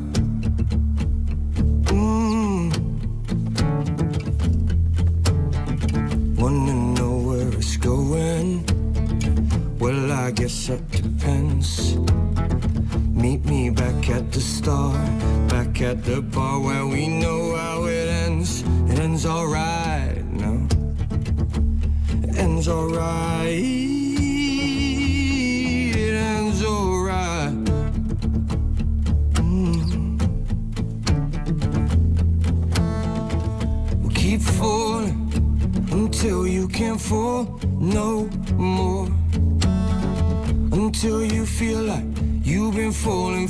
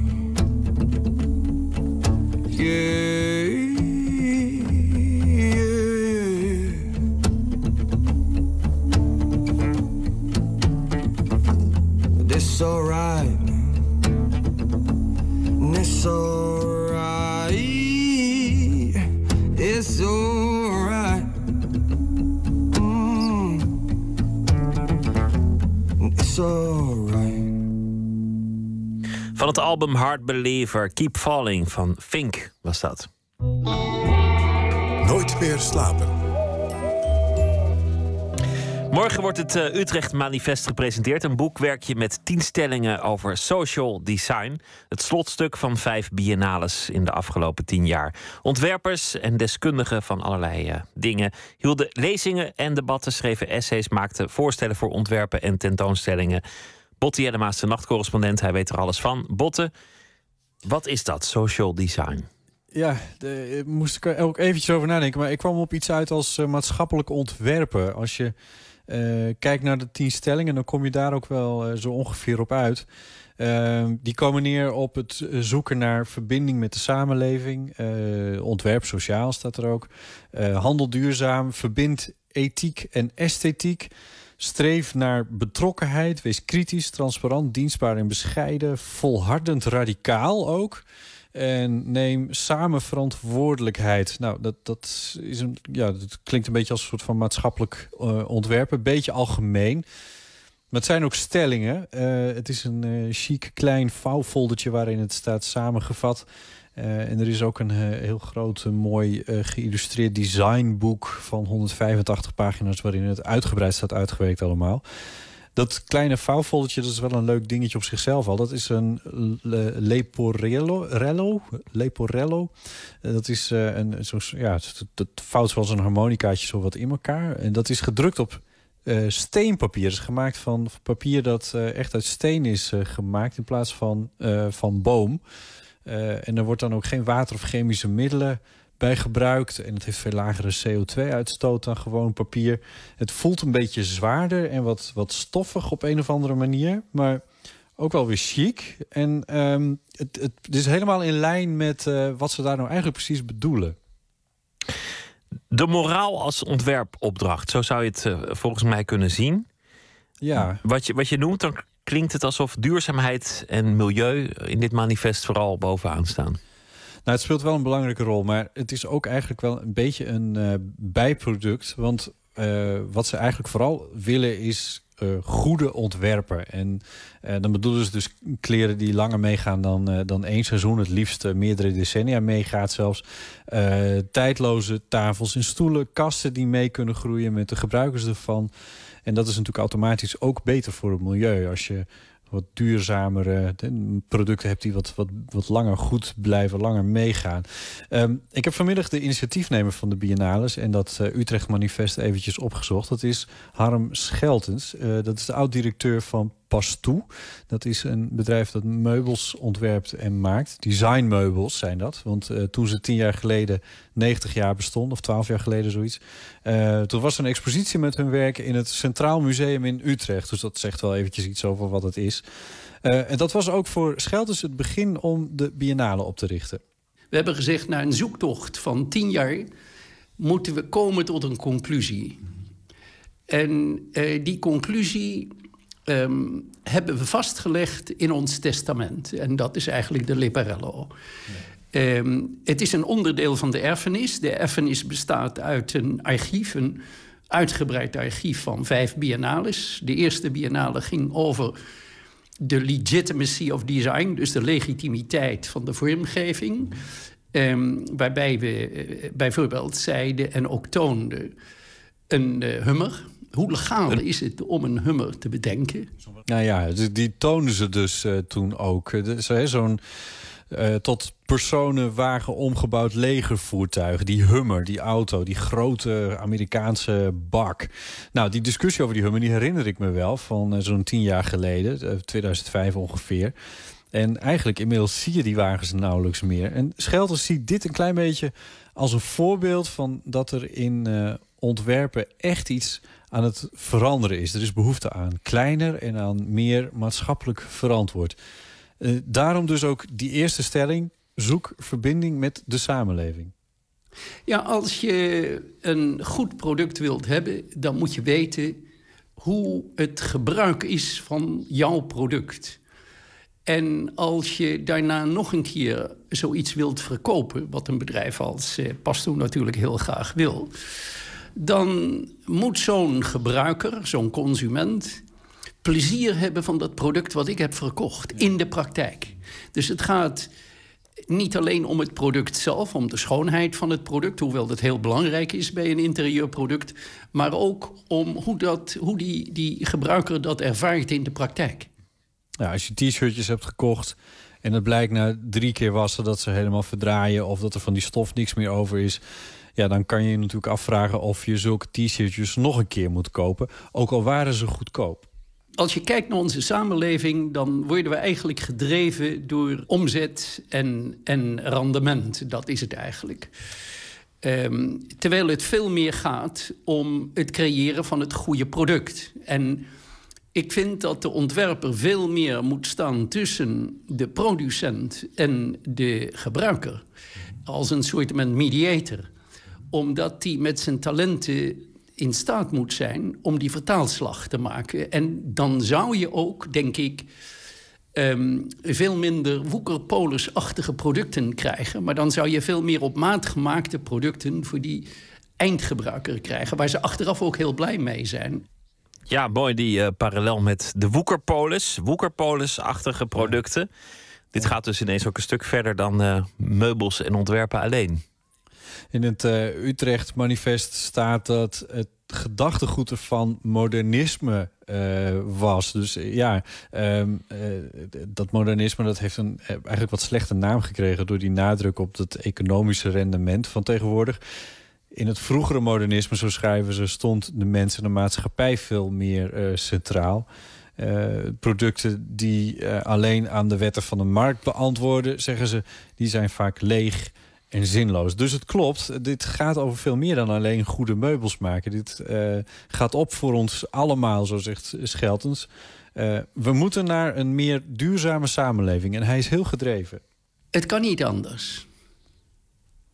Het, het, het kan niet zo zijn dat wij overwoekerd worden met inhoudsloze producten. En als het, op, als het wat meer opvalt, dan is het nog vaak een eh, iDesign-achtig product waar je ook niks aan hebt. Nou is dat niet zo erg als je dat verkoopt aan de mensen die te veel geld hebben. Maar als je zinloze, inhoudsloze producten verkoopt aan de mensen die zuinig moeten zijn, die denken een goed product te kopen, dan, dan is dat onverantwoord. Morgen, Botte, het laatste debat van ook de laatste biennale. Wat staat daar te gebeuren? Ja, het is een eh, plechtige afsluiting met de overdracht van de erfenis, zoals ze het eh, een beetje gedragen noemen. Eh, dus dat boekwerkje met die tien stellingen wordt eh, gepresenteerd. Het grote designboek, dat was er al, maar dat wordt er ook ten doop gehouden. Eh, en het archief van de biennales, films zijn er ook. Die worden ook overgedragen aan de eh, erfgerechtigden, zoals ze het noemen. Eh, er is een hele dag georganiseerd met eh, sprekers, filmvertoningen, debatten. Dat begint al om tien uur s ochtends. Dus nou ja, als je daar naartoe wil, dan wordt het een kort nachtje voor je. Maar het kan nog wel. Maar het is een interessante gedachte. Een, een echt goed ontwerp moet ook moreel goed in elkaar zitten. Het, het mag niet goedkoop duurkoop zijn. Je moet de gebruiker tevreden stellen, maar ook op lange termijn. Ook oog hebben voor hoe het gemaakt is, voor het klimaat. Ontwerpen is kortom een stukje moeilijker geworden, zou je daarmee kunnen beweren. Ja, en ehm, eh, het, het test ons als consument ook een klein beetje, heb ik het idee. Want ik ging daar natuurlijk vandaag eventjes wat meer over nadenken. Van, goh, met wat voor spullen heb ik mezelf nou eigenlijk eh, omgeven? En welke dingen daarvan eh, voldoen, voldoen een beetje aan die, aan, aan, aan die stellingen? Wat, wat, wat, wat heeft zich nou, welke dingen die ik, waar ik dagelijks gebruik van maak, hebben zich, hou- verhouden zich goed tot eh, die, die, die, eh, die stellingen. Die, die eh, zijn, zijn met die stellingen ontworpen, zal ik maar zeggen. En dan kom ik toch echt wel tot een handvol dingen. Dat ik denk van ja, dat heb je dan wel gekocht. Maar ja, het is gewoon niet goed. Het is gewoon niet goed gemaakt. En ehm, eh, de volgende keer koop je het gewoon niet weer. En dat is. Dan, heb ik het, dan realiseer ik me dat soort dingen dus eigenlijk te laat. Want dat moet je natuurlijk, voordat je ze koopt, eh, moet je dat eh, eh, jezelf al realiseren. En ja, het is, het is eigenlijk wel goed om daar een keertje eh, echt bij stil te staan. eh, door, door daar even over na te denken. Ik heb ook wel eens met een, met een iPod van het eerste uur bij de, bij de winkel gestaan. En hem ter reparatie aangeboden dat ze gingen lachen en zeiden: Meneer, deze is al tien jaar oud. Daarmee moet u naar een Ja. museum. Ik dacht, in 2015 kunnen we geen apparaten maken die tien jaar meegaan. Ja, nou vraag maar eens om je heen wie er een telefoon heeft. Of een mobiele telefoon heeft die ouder is dan drie jaar. Dat, Nou ja. dat zijn er niet zoveel mensen. Kortom, Ja, het dus roer dat- moet op in de ontwerpwereld. Dat is de boodschap. En eh, morgen een Ja. slotdebat in Utrecht. Met eh, tal van interessante sprekers uit eh, de sector en uit het eh, vak. Botte, Ja. goeienacht. Dankjewel. Goeienacht. We gaan luisteren naar The Outfit. Dat is een band uit Liverpool. Vijfkoppige band. Makers van pop met een melancholische inslag. Het tweede album heeft als naam Slowness. Het nummer On the Water, On the Way.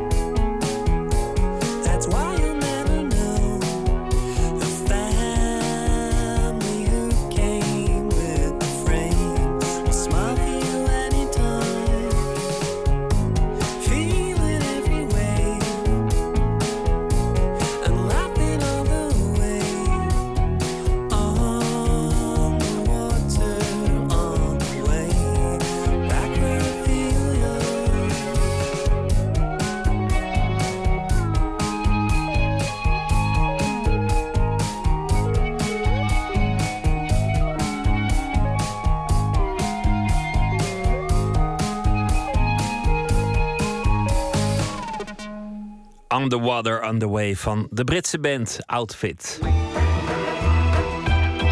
Nooit meer slapen. Fotografe Annabel Oosterwegel vond in Noordwijk twee bungalows uit de jaren 60. En een van de huizen was nog volledig gemeubileerd als in die tijd, de jaren 60. Ze is op zoek gegaan naar het verhaal achter dat ongeschonden interieur. En dat inspireerde haar tot twee beeldverhalen: Everlasting en I Won't Say Goodbye. Twee fotoseries die zich afspelen in de jaren 60 en allebei te zien zijn in het boek en de tentoonstelling met de titel Oblivious. Verslaggever Nicole Terborg ging naar Noordwijk en sprak de fotografen bij een van de woningen. Als een soort stalker ging ik telkens met mijn fietsje hier langs dat huis of met de auto om te kijken of ik iemand zag. Maar ja, dat huis was maar leeg en leeg en daar ging gewoon wel een jaar voorbij voordat ik iemand vond. En toen opeens, toen zag ik een mannetje in de tuin het gras maaien. Ik dacht, ha, eindelijk iemand. Ik ga vragen van hoe zit dat? Wie bent u? Wie heeft hier gewoond? Waarom is het huis nog gemeubileerd inderdaad? En wat is daar gebeurd? Wat is het verhaal achter dit huis?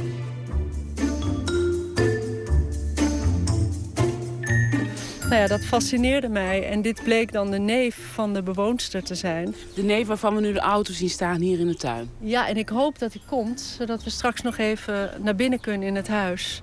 Want het huis ruikt ook helemaal muf en helemaal uit die tijd. Want er, er is gewoon, het is een soort stilstaand eh, leven. We staan nu eigenlijk voor het... eh, ja, dit is een soort hele luxe villa-wijk met prachtige grote huizen.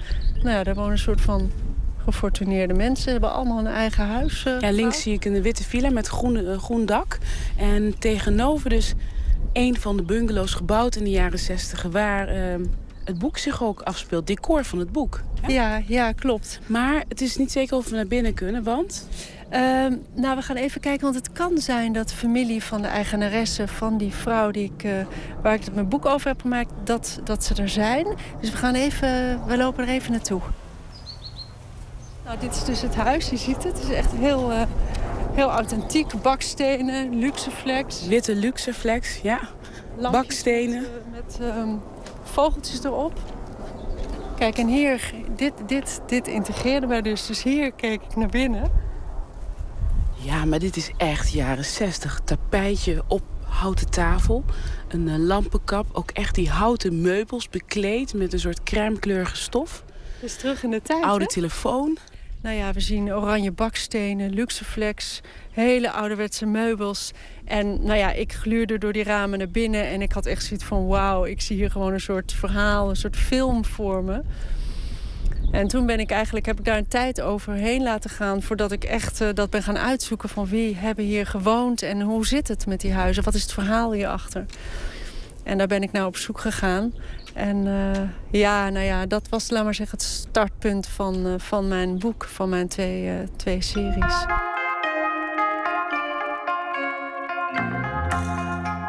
Het boek bestaat uit twee verhalen. Eén daarvan is I Won't Say Goodbye. Wat was dat voor vrouw? Wat is haar verhaal? Zij was een soort kluizenaar. Zij heeft heel jong haar man verloren. Dat was dus in de zestiger jaren. Ze kwam uit een soort van aristocratisch milieu. Ehm, en toen is ze hier in het huis gaan wonen. En toen moest ze het dus opeens alleen doen. En dat ideale plaatje wat zij had van nou ja, de 60 jaren, een gezin stichten, trouwen. Dat was dus in één keer viel dat weg. Dat vertelde haar familie aan mij over haar. En ehm, ja, dat beeld wilde ik eigenlijk fotograferen. Dus ik wilde eigenlijk terug in de tijd. En door veel over haar te weten te komen, wilde ik haar verhalen, maar zich in beeld brengen en anseneren. En ehm, zij is eigenlijk, ze is nooit hertrouwd. Dus dat vind ik ook apart in die tijd. Omdat dat natuurlijk ook een ideaal... Hè, dat, dat, dat beeld toen van een keurig gezin, dat heeft zij niet gedaan. Ze heeft wel twee grote honden genomen. Ze is gaan tennissen. En zij heeft zich eigenlijk behoorlijk afgeschermd van de buitenwereld. Ze heeft heel weinig mensen om zich heen gehad. eh, bijna niet met familie omgegaan. Dus ze was wel echt een soort van ja, aparte kluizenaar. En daarnaast had ze het wel heel goed, want ze woonde in een prachtige bungalow.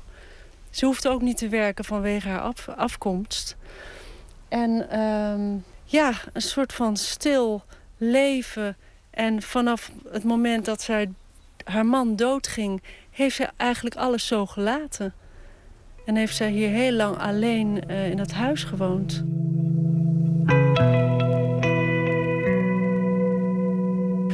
Als ik één scène mag omschrijven, we waren hier bezig. Ik had gevraagd aan de jonge vrouw, uh, dus dat was de vrouw die zij verbeelde toen ze jong was, toen zij nog jong was en hier leefde. Uh, vroeg ik van, uh, ik zet een plaatje op van Fausto Papetti. Zou jij willen doen alsof je hier met je overleden echtgenoot danst?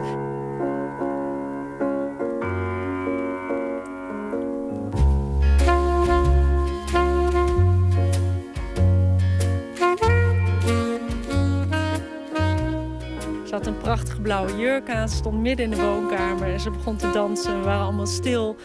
En nou ja, dat raakte mij. En ik keek naar de styliste. En die had een soort van tranen in haar ogen. En ik keek naar de visagiste. En ook zij had tranen in haar ogen. En ook bij mij, ik kon het ook niet droog houden. Het was gewoon frappant. Je kijkt terug in het leven van een vrouw. En wij voelden met haar mee hoe eenzaam zij geweest is alles kwam op dat moment een soort van samen. Je doet heel erg je best om het te anseneren, om te zorgen dat de kleding klopt en het interieur en alles bij elkaar qua licht.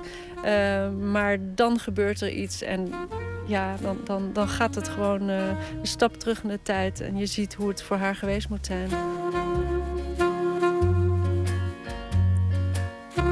Nou, de titel van de serie heb ik genoemd I Won't Say Goodbye. Omdat zij geen afscheid wilde nemen uh, van haar leven hier. Zij was op een gegeven moment gaan dementeren.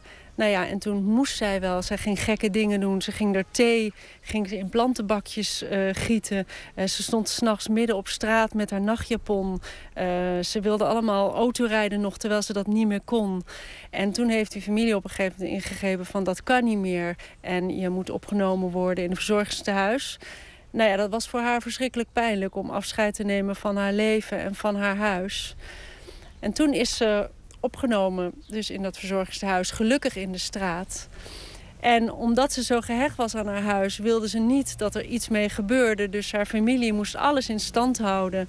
En dat is een afspraak totdat zij overlijdt. Mag er niets gebeuren met het huis. En als een soort uh, ja, controleur gaat ze dan inderdaad, ondanks dat ze dementerend is, gaat ze om de tijd, zeker iedere maand, laat ze zich door haar neef in haar rolstoel naar het huis duwen. En in het begin wilde ze eerst nog naar binnen in het huis... om te checken of de familie niet iets veranderd had... of had weggehaald uit haar huis. En op een gegeven moment was het voldoende dat ze alleen naar binnen gluurde door de gordijnen.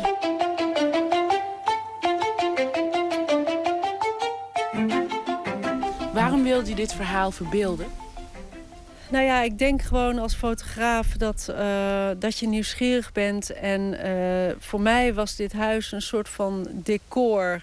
Ik zag daar gewoon een verhaal voor me. En dat was heel mooi meegenomen dat ik ook nog het waargebeurde verhaal kon vertellen. En dat verbeelden en dat in scène zetten, uh, dat vormt dan een verhaal waarin je als fotograaf heel veel in kwijt kan wat je wil vertellen met beeld.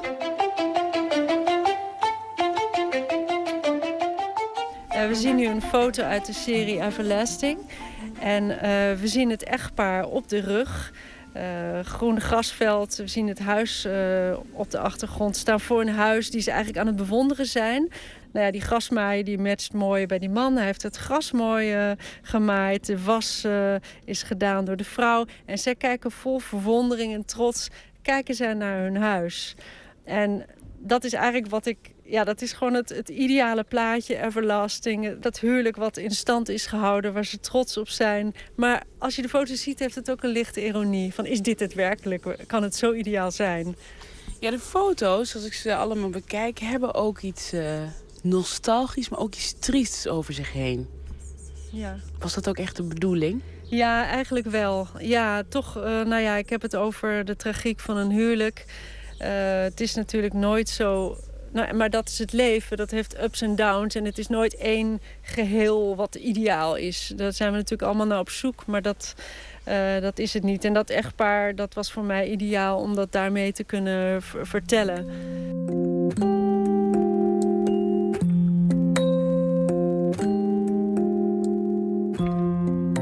Ik denk bij de meeste mensen die ik om me heen zie die getrouwd zijn...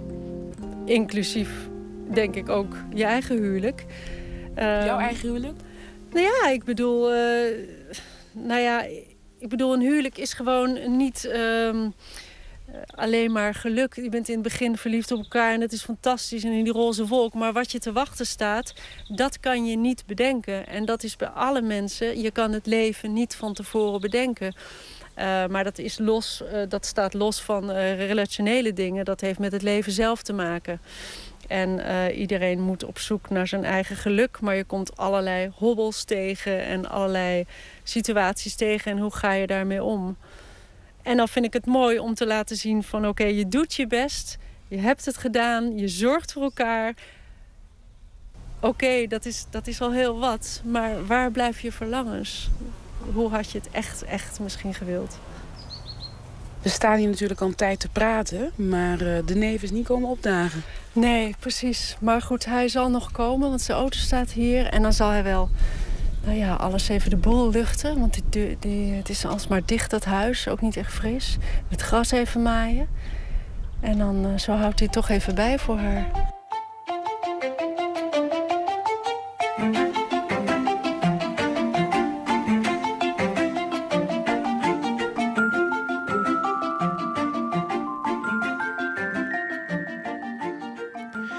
Boekpresentatie en de opening van de expositie Oblivious van Annabel Oosterwegel zijn aanstaande zaterdag in Amsterdam in de Hallen in Galerie Beelden gesproken. We gaan eh, afsluiten met een gedicht. Helene Gelens is eh, dichter en zal deze week elke nacht een gedicht uitkiezen en dat voordragen in onze uitzending. Zelf heeft ze meerdere bundels gemaakt, drie. De laatste heet Applaus vanuit het donker. Ze kiest eh, voor twee gedichten van Kathleen Molnar, vertaald door Jan Miskin.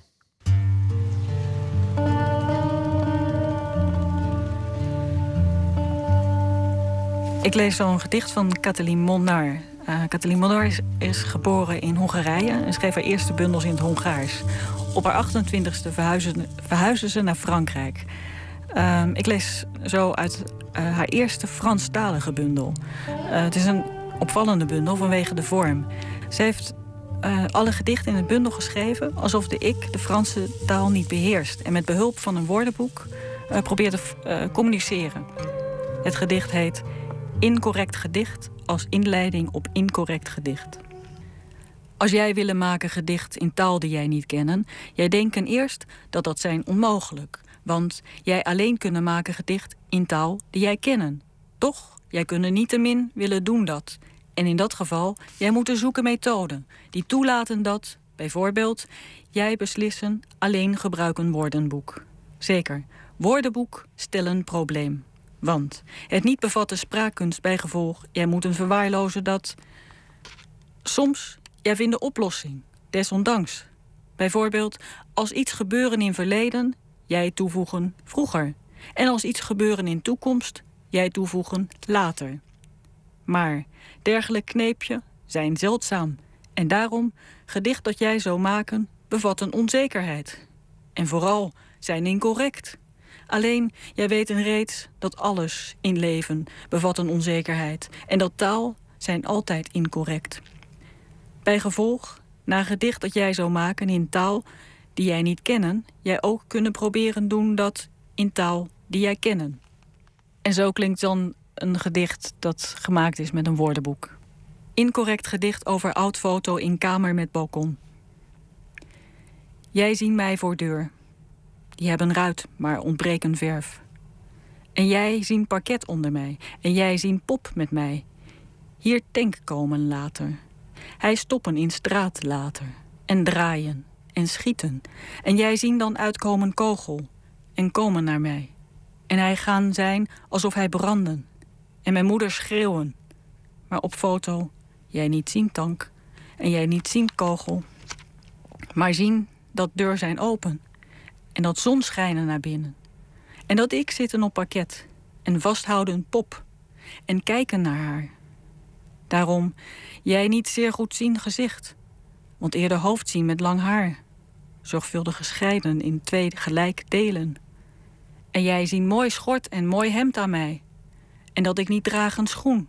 En dat been en arm zijn ook buiten. En dat ik niet bewegen en neerslaan ooglid. Zo, jij kunnen denken dat ik ook zijn pop. En dat twee pop zijn in huis voor pop. Waar olifant komen, later. Helene Gelens was dat met twee gedichten van Katalin Molnar, vertaald door Jan Miskin. Morgen in Nooit meer slapen komt Maaike Auwboter langs. Zij eh, won ooit het eh, programma De Beste Singer-Songwriter van Nederland. Maakte daar hele grote indruk met het liedje Dat ik je mis. En eh, ze heeft nu een debuutalbum en hoe het dan ook weer dag wordt. Ze komt langs en praat met Esther Naomi Parkin over het leven, de dood en de muziek. We gaan ook eh, aandacht besteden morgen aan een eh, expositie in Groningen. De Devil May Care. Hester Keizer wil daar foto's laten zien van fotografen die er niet op uit zijn het publiek zomaar te behagen. Want ze vindt dat fotografen dat veel te veel doen. En ze heeft dus fotografen uitgekozen die niet behaagziek zijn. En we gaan eh, op de radio bespreken hoe die foto's eruit zien en wat er dan zo behaagziek of niet behaagzuchtig aan die foto's is. Voor nu een hele goede nacht en morgen een hele leuke dag. En ik hoop dat u dan weer zult luisteren. Zometeen de nachtzuster Astrid de Jong. Ze is al eh, aan het warmlopen. En ik wens u een goede nacht.